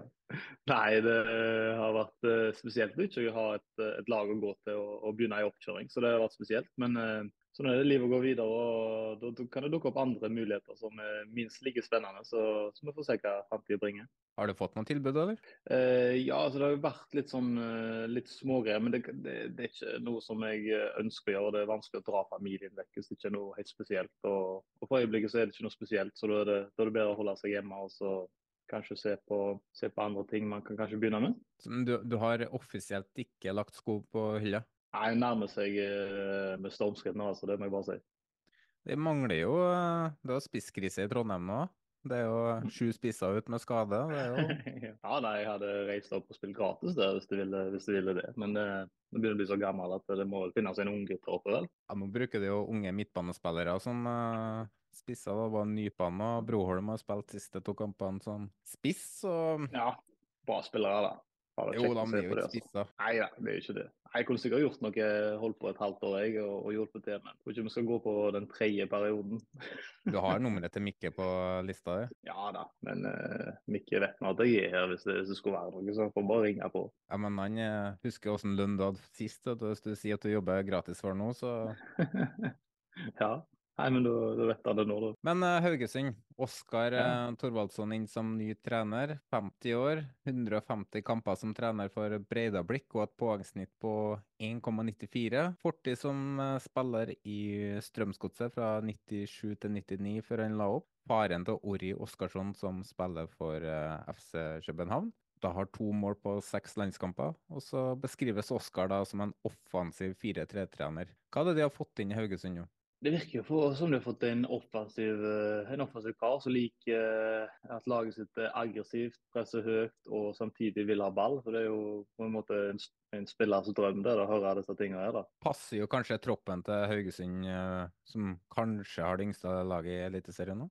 Ja, og det er vel derfor jeg sitter her og ikke er med på trening òg. Så, så han ønsker jo å få ha spillere som løper mye og som, eh, som har mye energi i seg. Så eh, det, ser, det, har sett veldig bra ut i treningskampene. altså. Jeg har sett alle. Eh, de har vært ganske overlegne egentlig i, i de tre siste, mot Vancouver, Hekken og nå mot Sandnes. Vet ikke hvordan motstanden egentlig har vært. da. Så Vi får se når de får testa seg skikkelig, men, men veldig, veldig solid så langt. 5-0 mot uh, Sandnes Ulf, da? 6. 6-0, da. Det er jo, det er jo Mm. sterkt når det er bare Haugesund var et båndlag i fjor. Ja da, og så, Hvis vi skal se på det i forrige sesongen, så har liksom Haugesund har aldri klart å styre disse treningskampene, selv om det har vært mot svakere motstand. Så det har alltid følt at det har vært litt farligheter. Men her har de gått ut og styrt både mot Sandnes, Hekken, Vancouver og for så vidt, før de fikk et rødt kort. Eh, Så de har gjort det veldig bra. Det ser, ser artig ut. Men det, Fikk Haugesund rødt kort? Haugesund fikk rødt kort mot Vancouver, ja. De- Pleier de- de det? Ja, det, det skjedde et par ganger i fjor, ja. Men det var, det var Selvik som fikk det. da. Han var litt ut forbi 16-meter, og de rota det til. For De prøver jo å spille seg løs, da. Mm. Så de, så de prøver å styre mye av kampen, kampene. Jeg ser jo at de, hent, altså de har en ung tropp fra før. eh, Du fikk ikke en ny kontrakt, så snittalderen den ikke ytterligere ned. da. Og så har det fortsatt å hente ungt i år. Det er det bare Konradsen som kan regnes som etablert eh, av de spillerne som kom inn. Men eh, er det noen av nysigneringene som du har bitt deg merke i, eller? Ja, spesielt en på midten der, eh, Anton Logi Ludvigsson. Han er jo en sånn, eh, skal vi si, en hærfører for det da. Så han er innom mye av, mye av spillet deres, både offensivt og defensivt. Han, han virker som en jækla solid spiller, altså. Defensiv terrier, er det ikke? Ja, nei, jo, det er jo, han kan, han kan løpe og stå på, men, men spesielt med ball. da, Finner seg fine posisjoner. og, og Oskar har hatt han som spiller før, så han vet jo akkurat hvordan Oskar vil spille. Så han, han involverer seg enormt mye, er ikke redd for å få ball. Tar av og til litt sjanser, men, men på en god måte. da, Han prøver og har selvtillit og tør. Så det er en jækla kul spiller. Så Hvis han fortsetter sånn som han har gjort nå, blir litt bedre, så er det ikke lenge før han ryker. da. Alt ser jeg allerede. Nei, Han debuterte jo for Island i januar til og har jo en fortid på ungdomslaget til Spal i Italia. Men det har kommet inn flere fra Island. Har han eh, Karlsson. Lyner han har bare spilt, har bare, har bare sett han i kamp mot Sandnes, så det fikk ikke så mye å gjøre der. Det Fikk nesten ingenting å gjøre. Men uh, kan spille høyre vekk og stopper. Men jeg tror han er tre-fjerde valg per nå, da. Ja, kan jo spille defensiv midtbane her. Jeg har sett han, eh, han har òg kamp for Island, så det er jo Mm. kvalitetstegn, det. Eh, Men Ja, så er det ja, en, en spiller litt lenger opp på banen som, eh, som er ganske eh, spennende for oss eh, som følger med norsk fotball. For det er jo ikke alltid man har, får inn noen fra Sør-Korea i norsk fotball. Jung Min Ja. So. Det har ligget noen klipp av ham på internett. Individuelt god offensiv spiller, men uh, tror du han kan uh, slå til med en gang, eller? Nei, det, det ser ikke sånt ut. Har vel vært en av de svakere de har henta inn til nå. da. Så han har fått litt lite spilletid og trenger nok mer tid på seg. Men det er noe spennende. Det har jo OK fart og gode ferdigheter, men det har blitt litt, litt lite produkt ut av det. da. Tror det går litt, kanskje på det litt sånn taktiske, at han ikke helt, helt forstår helt ennå. Han har jo ikke akkurat så mye erfaring med seniorfotball heller, ser. Han har spilt for det meste akademi.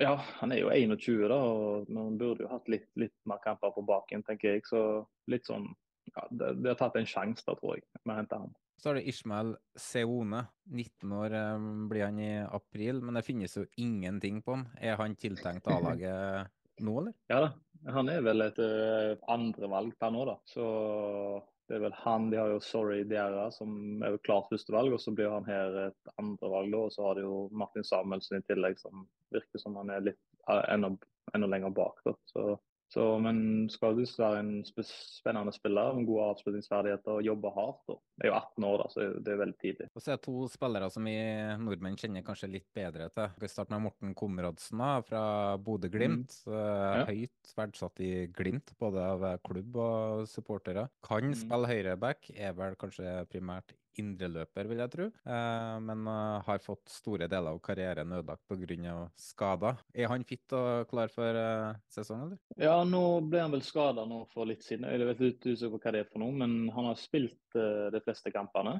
Uh, så det har jo sett, sett OK ut, det. Jeg kjenner jo Morten litt fra før, fra Rosenborg-tida. Mm. Uh, så veldig solid spiller og gode ferdigheter og god, god allround. Så, så, på dette laget så kommer han til å bli en veldig solid uh, forsterkning der. Og så gjelder det å holde han skadefri. Det er jo liksom på en måte det samme som går igjen, da, som er skada, sånn som Konradsen, Leite, uh, NJI og Nykuri.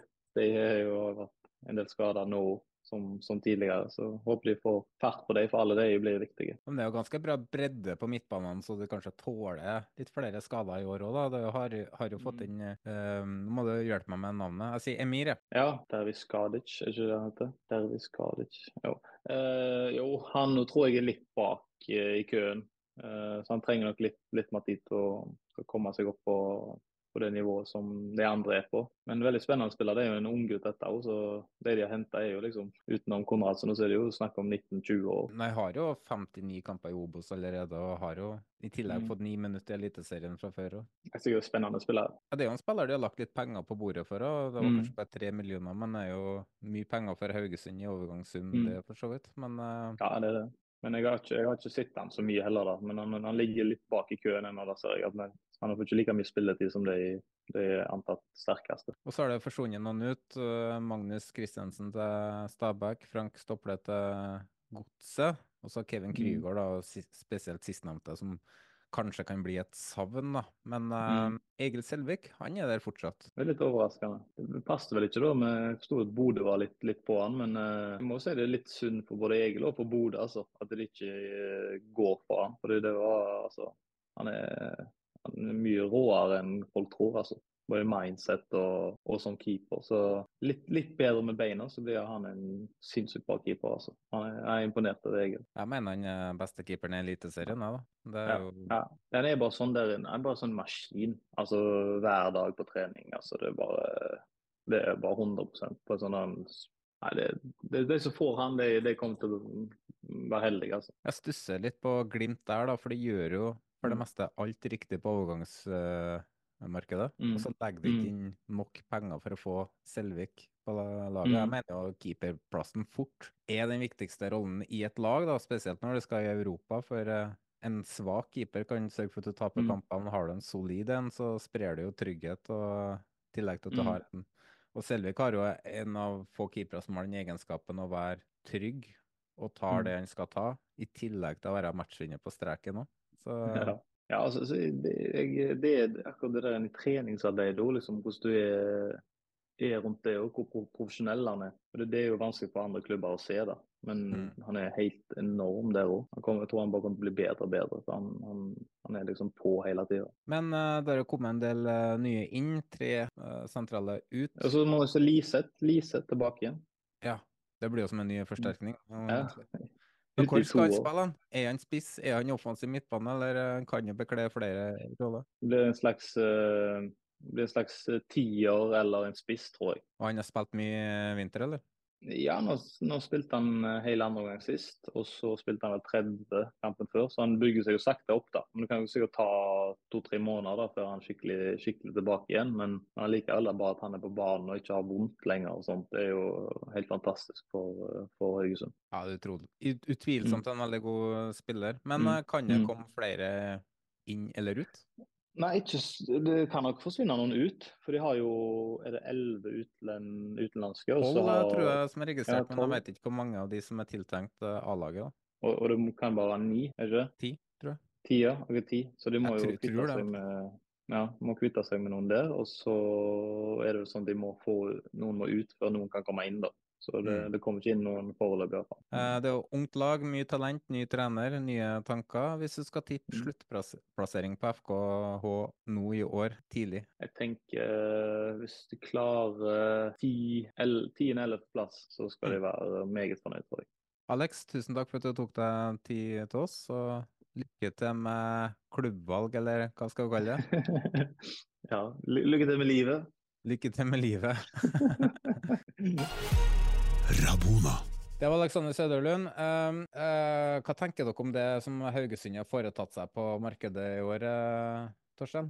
Det har jo, eh, det har jo blitt en del eh, gode spillere, eller mange nye, unge spillere. Ja. inn i- Eh, Snittalderen deres er jo ikke akkurat eh, høyere i år enn i fjor, og ny trener på plass som eh, står for offensiv eh, fotball.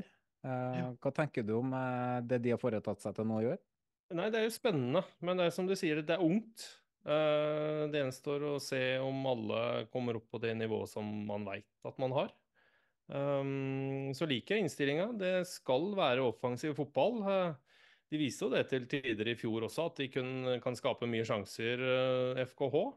Så har de jo mistet noen bærebjelker og en del rutine. Så, men hvis de kan ta det på ung, ja, ungdommer eh, som kanskje tør eh, litt mer og ikke så høye skuldre, så tror jeg det kan være positivt. Og så får man se om man blir stående med det offensive aspektet som man har sagt at man skal ha da gjennom sesongen. Det er vel det det litt står på, hvis man får litt, litt motgang tidlig.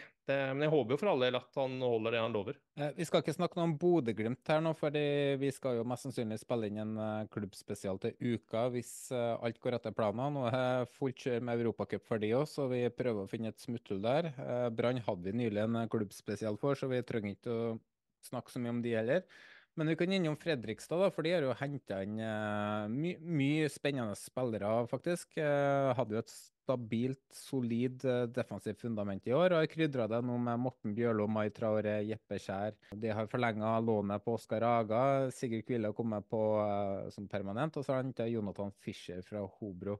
Frode, har du trua på Fredrikstad i år, og har du gjort de nødvendige eh, forsterkningene for å, for å klare å etablere seg i Eliteserien? Ja? Jeg tror Fredrikstad kommer til å holde, holde seg, men det handler kanskje mer om trener og hvor solide de, de så ut i Obos enn uh, forsterkninger og sånn egentlig. Fordi eh, altså de Jeg skal ikke trekke sammenligningen for, uh, for hardt, men jeg husker når Bodø-Glimt rykka opp fra Obos til Eliteserien så så du at dette var et uh, lag med en plan. Uh, de var strukturerte.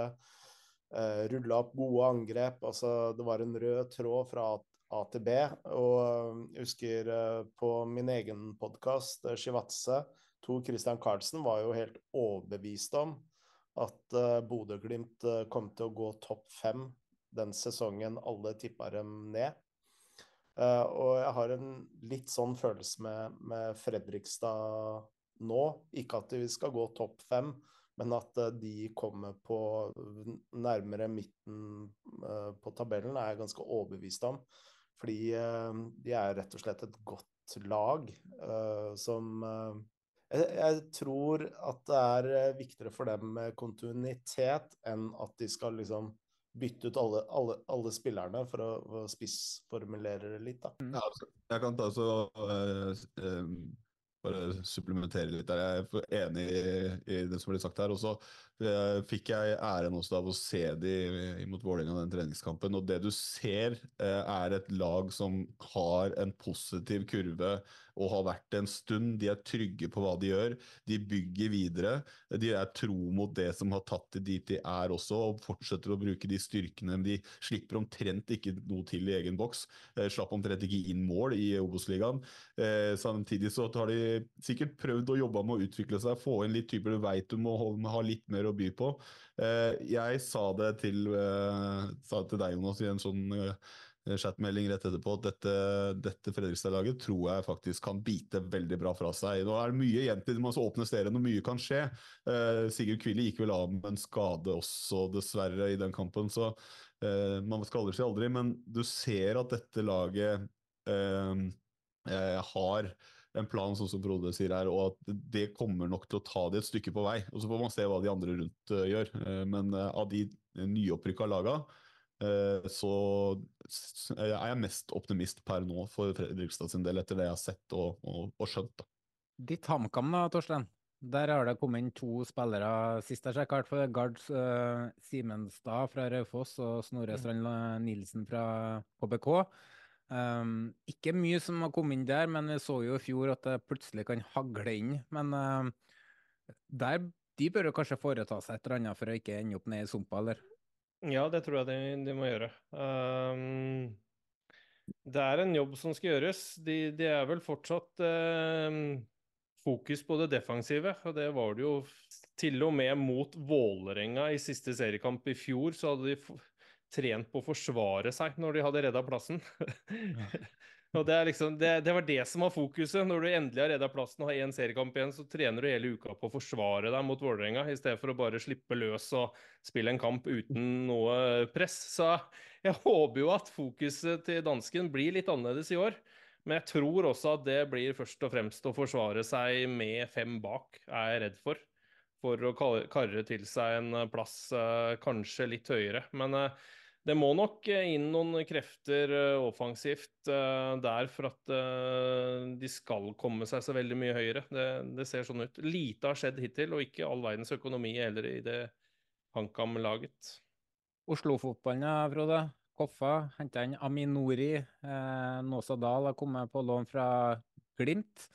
Det henta ja. Darocha i mål fra Kjelsås. Og alle sammen er tilbake i norsk fotball. Så henta David Hiksen fra Skeid. Har du trua på Koffa i år, eller? Nei, jeg har ikke det. Hvorfor ikke? altså, uh, jeg satt vel med en følelse gjennom hele fjoråret i Obos at de overpresterte litt. Uh, litt mye stang inn-kamper. Uh, forsterkningene de har fått inn, er vel ikke helt overbevisende. Eh, det er to bekker som er på hell. Uh, også vært en stund siden de har spilt toppfotball. Men kan, her, kan man ikke få en ny Ranheim-historie her, da, som uh, kan man komme opp uten forventninger eller rammer, eller og så bare slår de til unnafra og, å spille som outsidere hele sesongen? Jo, selvsagt. Og de har jo en fantastisk talentfull trener eh, som fort kan finne på å bevise. Og så har de jo også mange spennende typer. Men i motsetning til uh, Fredrikstad, da, så har de en uh, defensiv soliditet som Jeg sier ikke at KFM er et dårlig forsvarslag, men det, det er ikke på samme nivå som Fredrikstad. Og jeg er litt usikker på om de har nok løpskraft også i, uh, i laget for Eliteserien. Særlig når du møter lag som er antatt mye bedre, og du skal sitte og forsvare seg. Jeg, jeg er litt usikker på om de har nok av de typene i laget. Det er veldig mye spennende, altså rask og og eh, gode vinger og Men det, det er liksom ikke det som man kanskje trenger som et nyopprykka lag, da. Da trenger du en solid uh, keeper, et solid midtstopper uh, Og du kan heller ikke pinpointe sånn, de åpenbare store svakhetene i laget, for det er et jevnt besatt lag. Men uh, Jeg er redd for at det rett og slett ikke er bra nok for Eliteserien. Jeg er spent på hvordan de hevder seg når sesongen sparkes i gang. Eh, KBK dropper vi også. Vi kan innom de kjapt da, og si at de har henta inn eh, Ruben Alte og Franklin Daddisboy og ja, Lansing i, i mål, eh, blant annet. Og så er det vel forventa at de skal hente flere spillere nå, blant annet han ene um, som var i Ålesund tidligere. Um, husker ikke jeg navnet i farta. Men um, vi skal jo lage en KBK-spesial i, i mars. Det kommer kanskje en spesial fire uker på rad der, så vi har litt eh, jobb foran oss. Men uh, Lillestrøm, Frank, de har jo um, Der har det begynt å komme blitt litt bevegelse, i hvert fall de siste ukene. Eh, men fortsatt så er det mye misnøye blant supportere som som forventer mer, da. Eh, Og så fikk jo jeg en del kjeft eh, etter sist ordinære episode vi hadde, fordi at jeg kalte Lillestrøm for eh, et kjedelig lag. Ja, men du får altfor lite kjeft. Du burde kjeftes mer på. Ja, jeg er enig, men eh, de misforsto jo det jeg sa. Eh, jeg jeg tenkte ikke på spillerne og det de gjør på media. Jeg tenkte jo på laget, elveren, spillerne utpå der, X-faktoren. Underholdningsverdien av å se Lillestrøm. Eh, nå er det litt det gode, gamle dødballaget, syns jeg. da, Men hva tenker du om Lillestrøms uh, overgangsvindu til nå? Nei, jeg ser jo, jeg ser jo det begynner å røre seg litt, da, men jeg tror det må gjøres mye mer. Og så er jo Lillestrøm et lag jeg er veldig spent på i år, for sånn som jeg har lest og tolka de andre halvdelen av fjorårssesongen og egentlig hittil i vinduet nå, så er de et lag jeg ser på som lengre ned på tabellen. Men jeg er jo ikke kjent med den nye treneren deres, jeg er ikke kjent med type filosofi, jeg har ikke sett noe av treningskampene deres egentlig. så veldig spent på hvordan eh, de blir å se ut når vi kommer til sesongstart, rett og slett. Og så tror jeg de må inn med mer, ja. Få bedre bredde i troppen. Hva tenker du om dine gamle, din gamle klubb, eh, Torstein? Jeg er enig med Frank, jeg er litt sånn usikker. Jeg, de er per dags dato veldig avhengig av Thomas Lene Olsen eh, offensivt for at eh, det skal bli mål. Og det var vel det var vel Jeg hadde en prat med Eirik Bakke også eh, i Lærdal her, og han sa det at han var veldig avhengig av Lene Olsen. For at eh, det skulle Med hans bidrag offensivt for at det skulle skje noe. Så han må holde skadefri, og så må det være noe rundt. Nå hadde jo eh, signert en ung eh, afrikansk midtbanespiller, eh, så vidt jeg så, som skulle være et enormt talent. Så da får vi se om han slår til. Men eh, Kitolano kommer jo mest sannsynlig når Molde Ja. er ferdig med europacupkampene. det gjør han. Så jeg håper at det blir litt mer støtte rundt eh, Lene Olsen, da, sånn sett. Så, og så håper at ikke den At det blir en treer og ikke en femmer. At uh, de stør, tør å stå med tre og flytter femmeren litt høyere. Det håper jeg at Lillestrøm gjør denne sesongen her. Du skal ikke legge om til fire nå? Ja, det, jeg har jo sett det. Jeg håper jo for all del det òg, hvis det stemmer, da. Eh, jeg har heller ikke sett dem spille, så jeg, hvis det stemmer, så er jo det veldig bra hvis det blir uh, fire bak. Jeg syns Lillestrøm har et solid lag, hvis det går an å si. da. Et, øh, de har et bra defensivt fundament. De har elleve gode spillere som vil starte kampene, men de, mangler altså Kitolano er jo kanskje en type de mangler, men jeg tror kanskje de mangler flere løpssterke, hurtige, ballsterke spillere på midten spesielt der. For eh, akkurat nå så er jo kanskje den mest uforutsigbare spilleren deres eh, Lars Ranger, og han har jo knapt spilt kamper siste året. Men eh, vi kan jo flytte oss til Molde, da. Eh, hva tenker du om deres eh, vindu til nå, Frode? Dere henta inn Mats Møller Dæhlie blant annet, og Stenevik og andre. Um, er de ferdighandla, tenker du? Nei, jeg tror de kommer til å handle inn mer. Um, jeg syns jo det er spennende å, å se Mats Møller Dæhlie tilbake i norsk fotball. Og eh, jeg er litt spent på hvordan de de kommer til å, å spille han inn i, eh, i, eh, i laget. Jeg ser for meg at Molde kommer til å nærme seg Bodø-Glimt i spillestil og bli mer orientert og spille gjennom ledd. Eh, For nå har det vært en del år hvor eh, Molde har spilt mer direkte. Så eh, jeg ser på den signeringen der som kanskje eh, noe som Molde har savna for å kunne dominere kamper enda mer. Så, sånn jeg har tenkt på Molde de siste årene, er at de ofte har tapt Altså, de har tapt på sine egne kontringer. Jeg syns Molde har vært blant uh, de bedre lagene mellom 16-meterne. Og så har det vært, veld, i hvert fall i fjor, da, så var de veldig svake i egen 16 eh, til tider. Og så var de veldig svake i motstanders boks. Det at De omsatte jo ikke store målsjanser til skåring. Ja, altså det var jo I starten av sesongen i fjor så var det jo helt komisk hvor mye de bomma på, og hvor mye de, de slapp inn. Men samtidig så følte jeg at angrepene deres var også veldig sånn rusha. Du ser at Bodø-Glimt tar seg mye mer tid i angrep, angrepene sine. Og det blei jo veldig farlig. Altså når du mista ballen rundt 16-meteren, så var det kontringer imot på Molde hele tiden. Men når du holder lengre angrep, så presser du også motstanderen dypere, og, det er en sånn psykologisk En psykologisk kamp. Altså når du ikke får kjenne på pula på, på en god stund, og så vinner du den tilbake, og så blir du nærmest litt sånn overraska over at du vinner ballen tilbake. Um, så jeg tror rett og slett at Molde kommer til å, At vi ser den der pendelen på ballbesittelse kommer til å øke ganske markant i år. Og at Mats Møller Dæhlie er liksom nøkkelen til det. da. Men mangler det en uh, nier à la Ohi? Uh, det har jeg savna litt hos Molde. altså Gulbrandsen er jo god, og men jeg skal kanskje ha den rollen rundt en nier, og ikke være den som skal avgjøre kampene. Hva tenker du, Torstein, du som har vært en klassisk uh, nier? Savner Molde en, en ordentlig goalgetter? Det kommer litt an på. Nå er det jo, de er jo veldig avhengig av å spille Eikrem. Han spiller jo um, som den heng... De prøver jo å spille med to. De starta jo nå mot Legia med, med Dæhlie som anker på midten. Uh, jeg må jo si at han klarte, han klarte faktisk å fylle den rollen ganske bra første 45, og så ble det tyngre utover i kampen. Um, men de er nok avhengig av å få inn en som skårer over 20 igjen, ja. Det er det Molde er avhengig av. Det brant ekstremt mye sjanser i fjor. Og så tror jeg også de kommer til å kjøpe flere forsvarsspillere.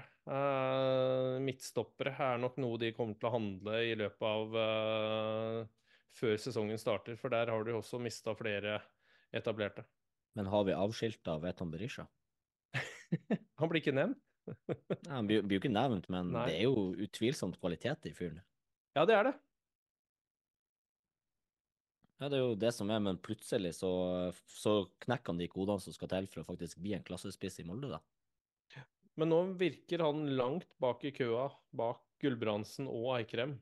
Mm. Ettersom de vil bruke Eikrem som en av de to på topp uansett, for han legger ikke nok ned nok meter til å være en midtbanespiller, Eikrem. Og da gjør det at det er én posisjon han kan spille.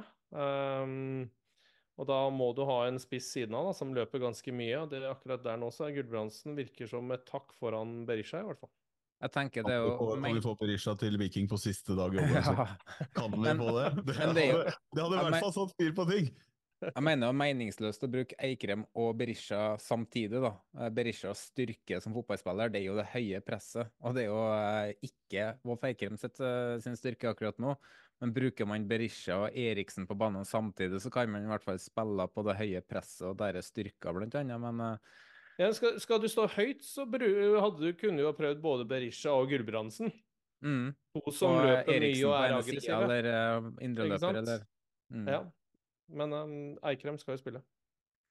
Vi flytter oss til Rosenborg. vi. Uh, de har henta Thomas Nemzic som en stopperløsning. Um, de henta Sandberg som andrekeeper og fått tilbake storspilleren Sadiku og Marius Bro Broholm på, um, fra KBK fra lån. Uh, Kvitta seg med mye spillere, og fortsatt forventer at de skal selge flere. Eh, Andersson er på vei til AIK, blant annet. Eh, ikke at det blir noe stort savn, for han har tredjevalg på høyrebekken akkurat nå. Men det, jeg fikk i dag vite at eh, det kommer to spillere på prøvespill etter de kommer fra Spania. Det er snakk om en spiss og en kant som ja, jeg kan si som at, de kommer fra Det er en lang tur til Trondheim for, for de, så får vi se hvordan de klarer seg på prøvespill. Men akkurat det med prøvespill har ikke Rosenborg holdt på med siden 2012, tror jeg. Så det er jo det, vi får se hvordan det går. Men uh, ikke mye penger å rutte med der. Men uh, nå har Rosenborg spilt flere treningskamper uten spiss. Og med Noah Holm eh, som er ute uh, lengre perioder med skade, og um, Thorvaldsson som er operert i lysken og ikke har trent fotball eh, hardt på to år. Og gåten Ole Sæter, som man ikke vet hvor man har han, så er det en spisskrise i Rosenborg akkurat nå. Eh, hva tenker du om det som skjer i Rosenborg, Torstein, med midler, overgangsvindu og spisskrise? Eller, de har jo spisser, men det er ingen som er De har kvitta seg med Pepsi Max, da. Ja, det har de gjort. Ja, det var, det var neste steg. Hva blir det neste da? Uh, nei, jeg er jo litt bekymra. Det tror jeg du er også, sånn som du legger det frem. Nå er man, ut, nå er man avhengig av at man treffer da, på, på prøvespill, uh, pga. at økonomien er som den er. Nå kan jeg for lite om hva som feiler Ole Sæter, det kan du sikkert mer eh, om enn meg, men de to andre er jo veldig langt unna. Um, og kneskade på Ole Sæter, da, så har de akkurat fått bekrefta via brannlegen at han ikke må opereres. Men det er jo fort en sånn greie at etter 14 dager så finner de ut at de må operere likevel. Så det er jo en, uh, det er veldig usikkert akkurat der. Men jeg syns det er rart hvis ikke de sjekker lånemarkedet nå, da, med vinduet som er stengt internasjonalt, så kan jo de fortsatt hente en fra benken til Rune, Rune Ja, ikke sant? Hente, ja. hente inn enda ei kjeks. Ja. Det Spissparet til Rosenborg i Espejord Berisha, første seriekamp, den var oddsen på det? Og Berisha fra Molde, ja. Det, da har vi sunket lavt. Altså. Nei, nei, jeg, jeg, jeg er bekymra for spissplassen til Rosenborg. For um, jeg har sett treningskampene nå, jeg fikk ikke sett Brann, men uh, det jeg har sett til nå i år, har jo vært veldig bra. Uh, du ser hva de har trent på, at de har tatt steg hele veien, og så er veien fortsatt lang. Um, men at det er klart at du fullstendig avhengig av å ha en spiss i systemet. Når man mm. bruker Nypan som spiss eller Broholm, så da blir det vanskelig. da. Um, ja.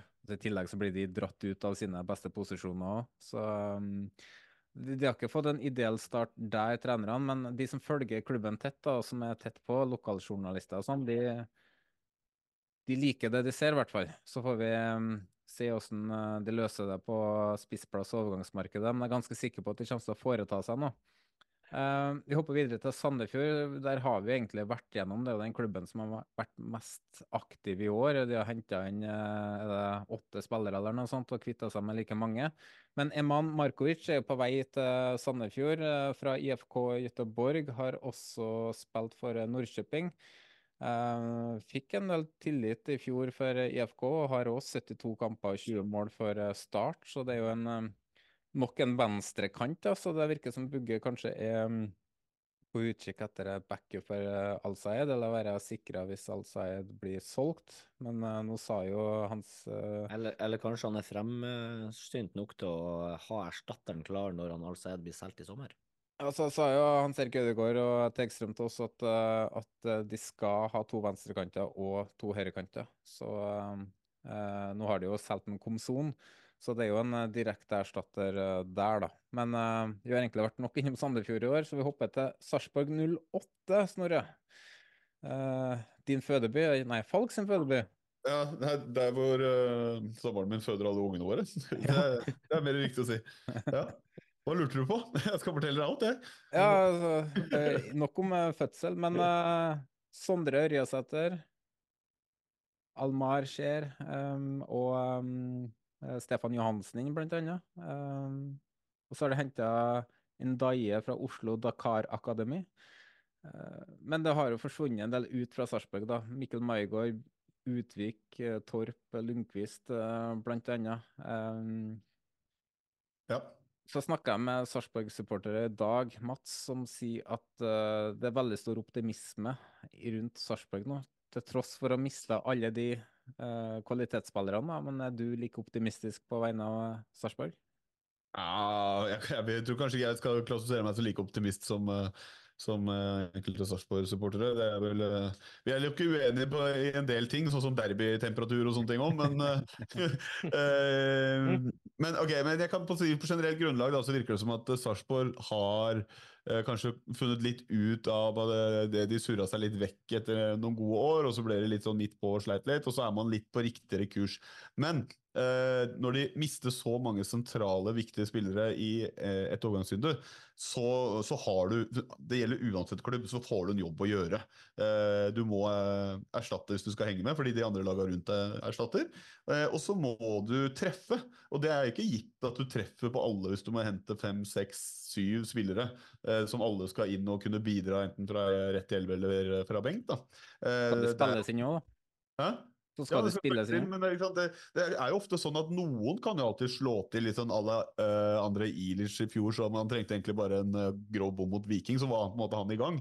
Uh, men eh, det, veldig ofte så ser du spillere som kan trenge mer tid før de for, eh, faktisk eh, forsterker laget i eh, veldig stor grad. Da. Eh, det kan også skje. Og da kan jo plutselig sesongen i stor grad være eh, litt sånn ødelagt ut fra hva man håper på, eh, uten at jeg tror det er noe krise i Sarpsborg av den grunn. Men eh, de har definitivt en jobb som skal gjøres for å erstatte det, og de skal være både heldige og gode for å å ikke komme ut av det uh, svekka på kort sikt når man åpner uh, serien i april. Så Uh, er spent på Sarpsborg sine vegne. Jeg tror ikke de skal være så veldig bekymra for sin egen sesong, men uh, sammenligna med kanskje andre lag som eh, har litt større grunn til det. Men jeg ville nok kanskje vært forsiktig med å legge champagnen på kjøl også, og venta litt og se hva som får inn, og se hvordan det ser ut en runde eller to eller tre inn i serien. Stefan. Jansen, Frank? Ja, jeg skulle til å si det. Sarpsborg har i hvert fall henta inn to spillere som jeg mener er klasse. og Det er jo Sondre Øyresæter, meget spennende ung spiller, og så Stefan Johansen sin rutine og pondus på ei midtbane der. Å Hente inn de to er jo gull for en klubb som Sarpsborg. Men jeg Det er noen år siden Stefan Johansen spilte eh, kamper nå. Nei, seks måneder. Seks måneder, nesten. Ja, nei, men altså og Det var i fjor, det var i fjor, Jonas. Ja, det var i fjor.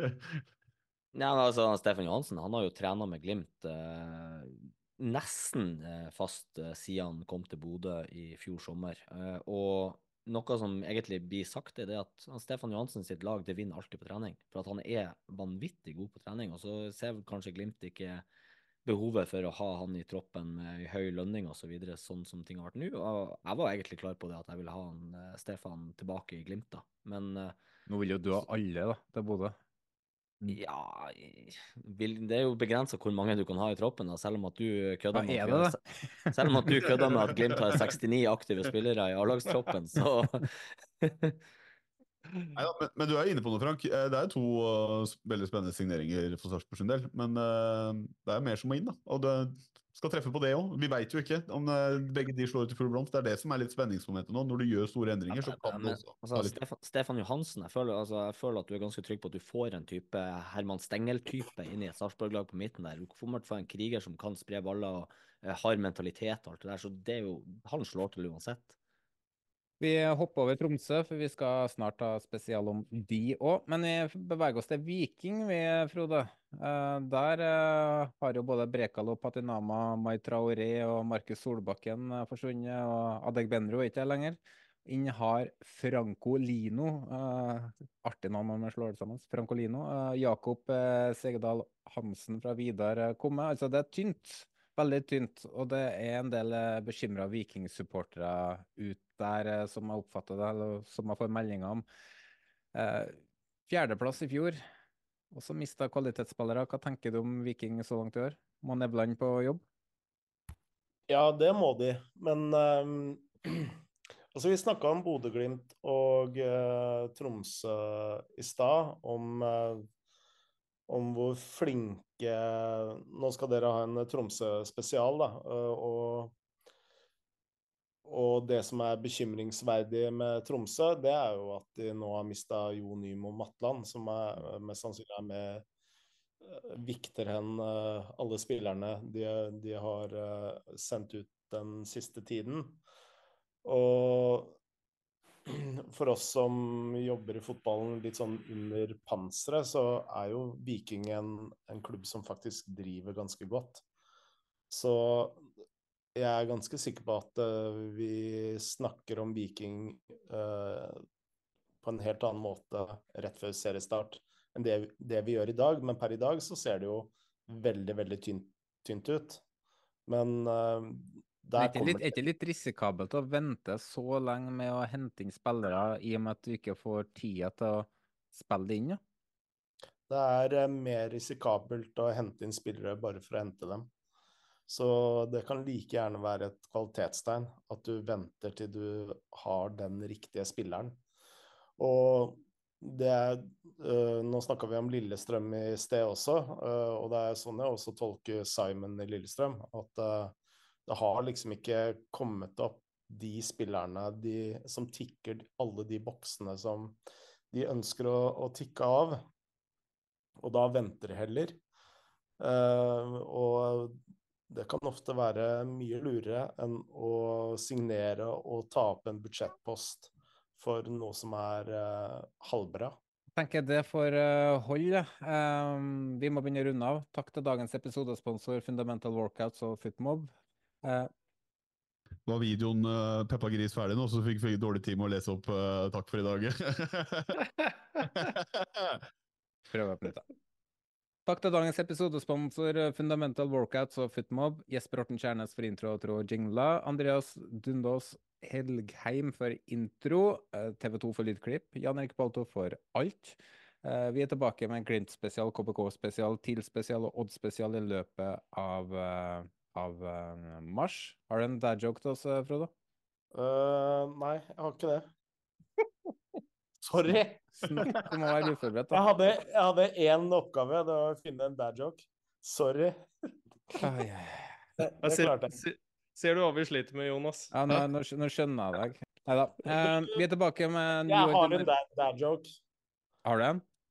Jeg har en dad joke. Uh, en go-to uh, som jeg har fått fra sønnen min. Som jeg alltid, alltid tar. Eh, jeg faller tilbake igjen. Og uh, har du hørt om eh, gutten som ikke fikk slå av lyset? Nei. Faren hans var bryter. det er ting, altså.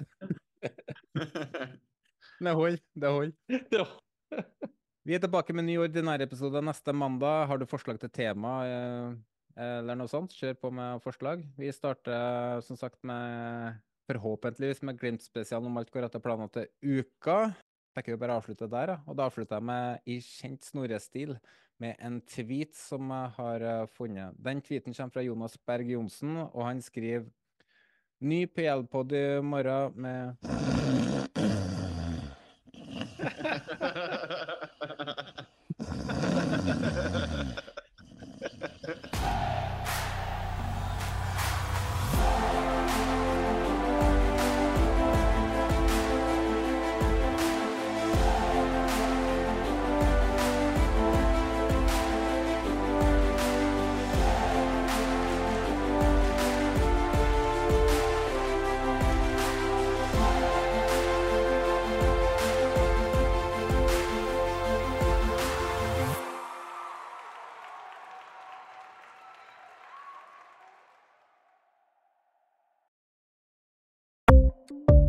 Ukens annonsør er HelloFresh. HelloFresh er verdens ledende matkasseleverandør og kan være redningen i en travel hverdag. Mange av oss har nok vandret i butikken både sultne og uten en plan for middagen, som ender med at vi går for de samme kjedelige rettene gang på gang. Middag burde være dagens høydepunkt. Som HelloFresh kan du nå velge mellom 25 ulike retter hver eneste uke, eller få HelloFresh til å sette sammen menyen for deg. Dette gir deg muligheten til å prøve nye og spennende retter alene eller sammen med familien. Du velger antall porsjoner og får alt levert på døren på et tidspunkt som passer for deg. Oppskriftene er enkle, og maten er lett å lage både for store og for små. Ved å få alt levert hjem får du også mer tid til å dele matgleden med familie og venner. Kanskje det frister med asiatiske tacos eller greskinspirert kylling? Da kan jeg anbefale deg om å gå inn på hellofresh.no. Her kan du bruke koden FOTBALL og få opptil 1779 kroner i rabatt på de første fem matkastene hvis du ikke har prøvd HelloFresh tidligere. Du kan også bruke rabatten hvis du har vært kunde og stoppet abonnementet ditt for tolv måneder siden eller lengre.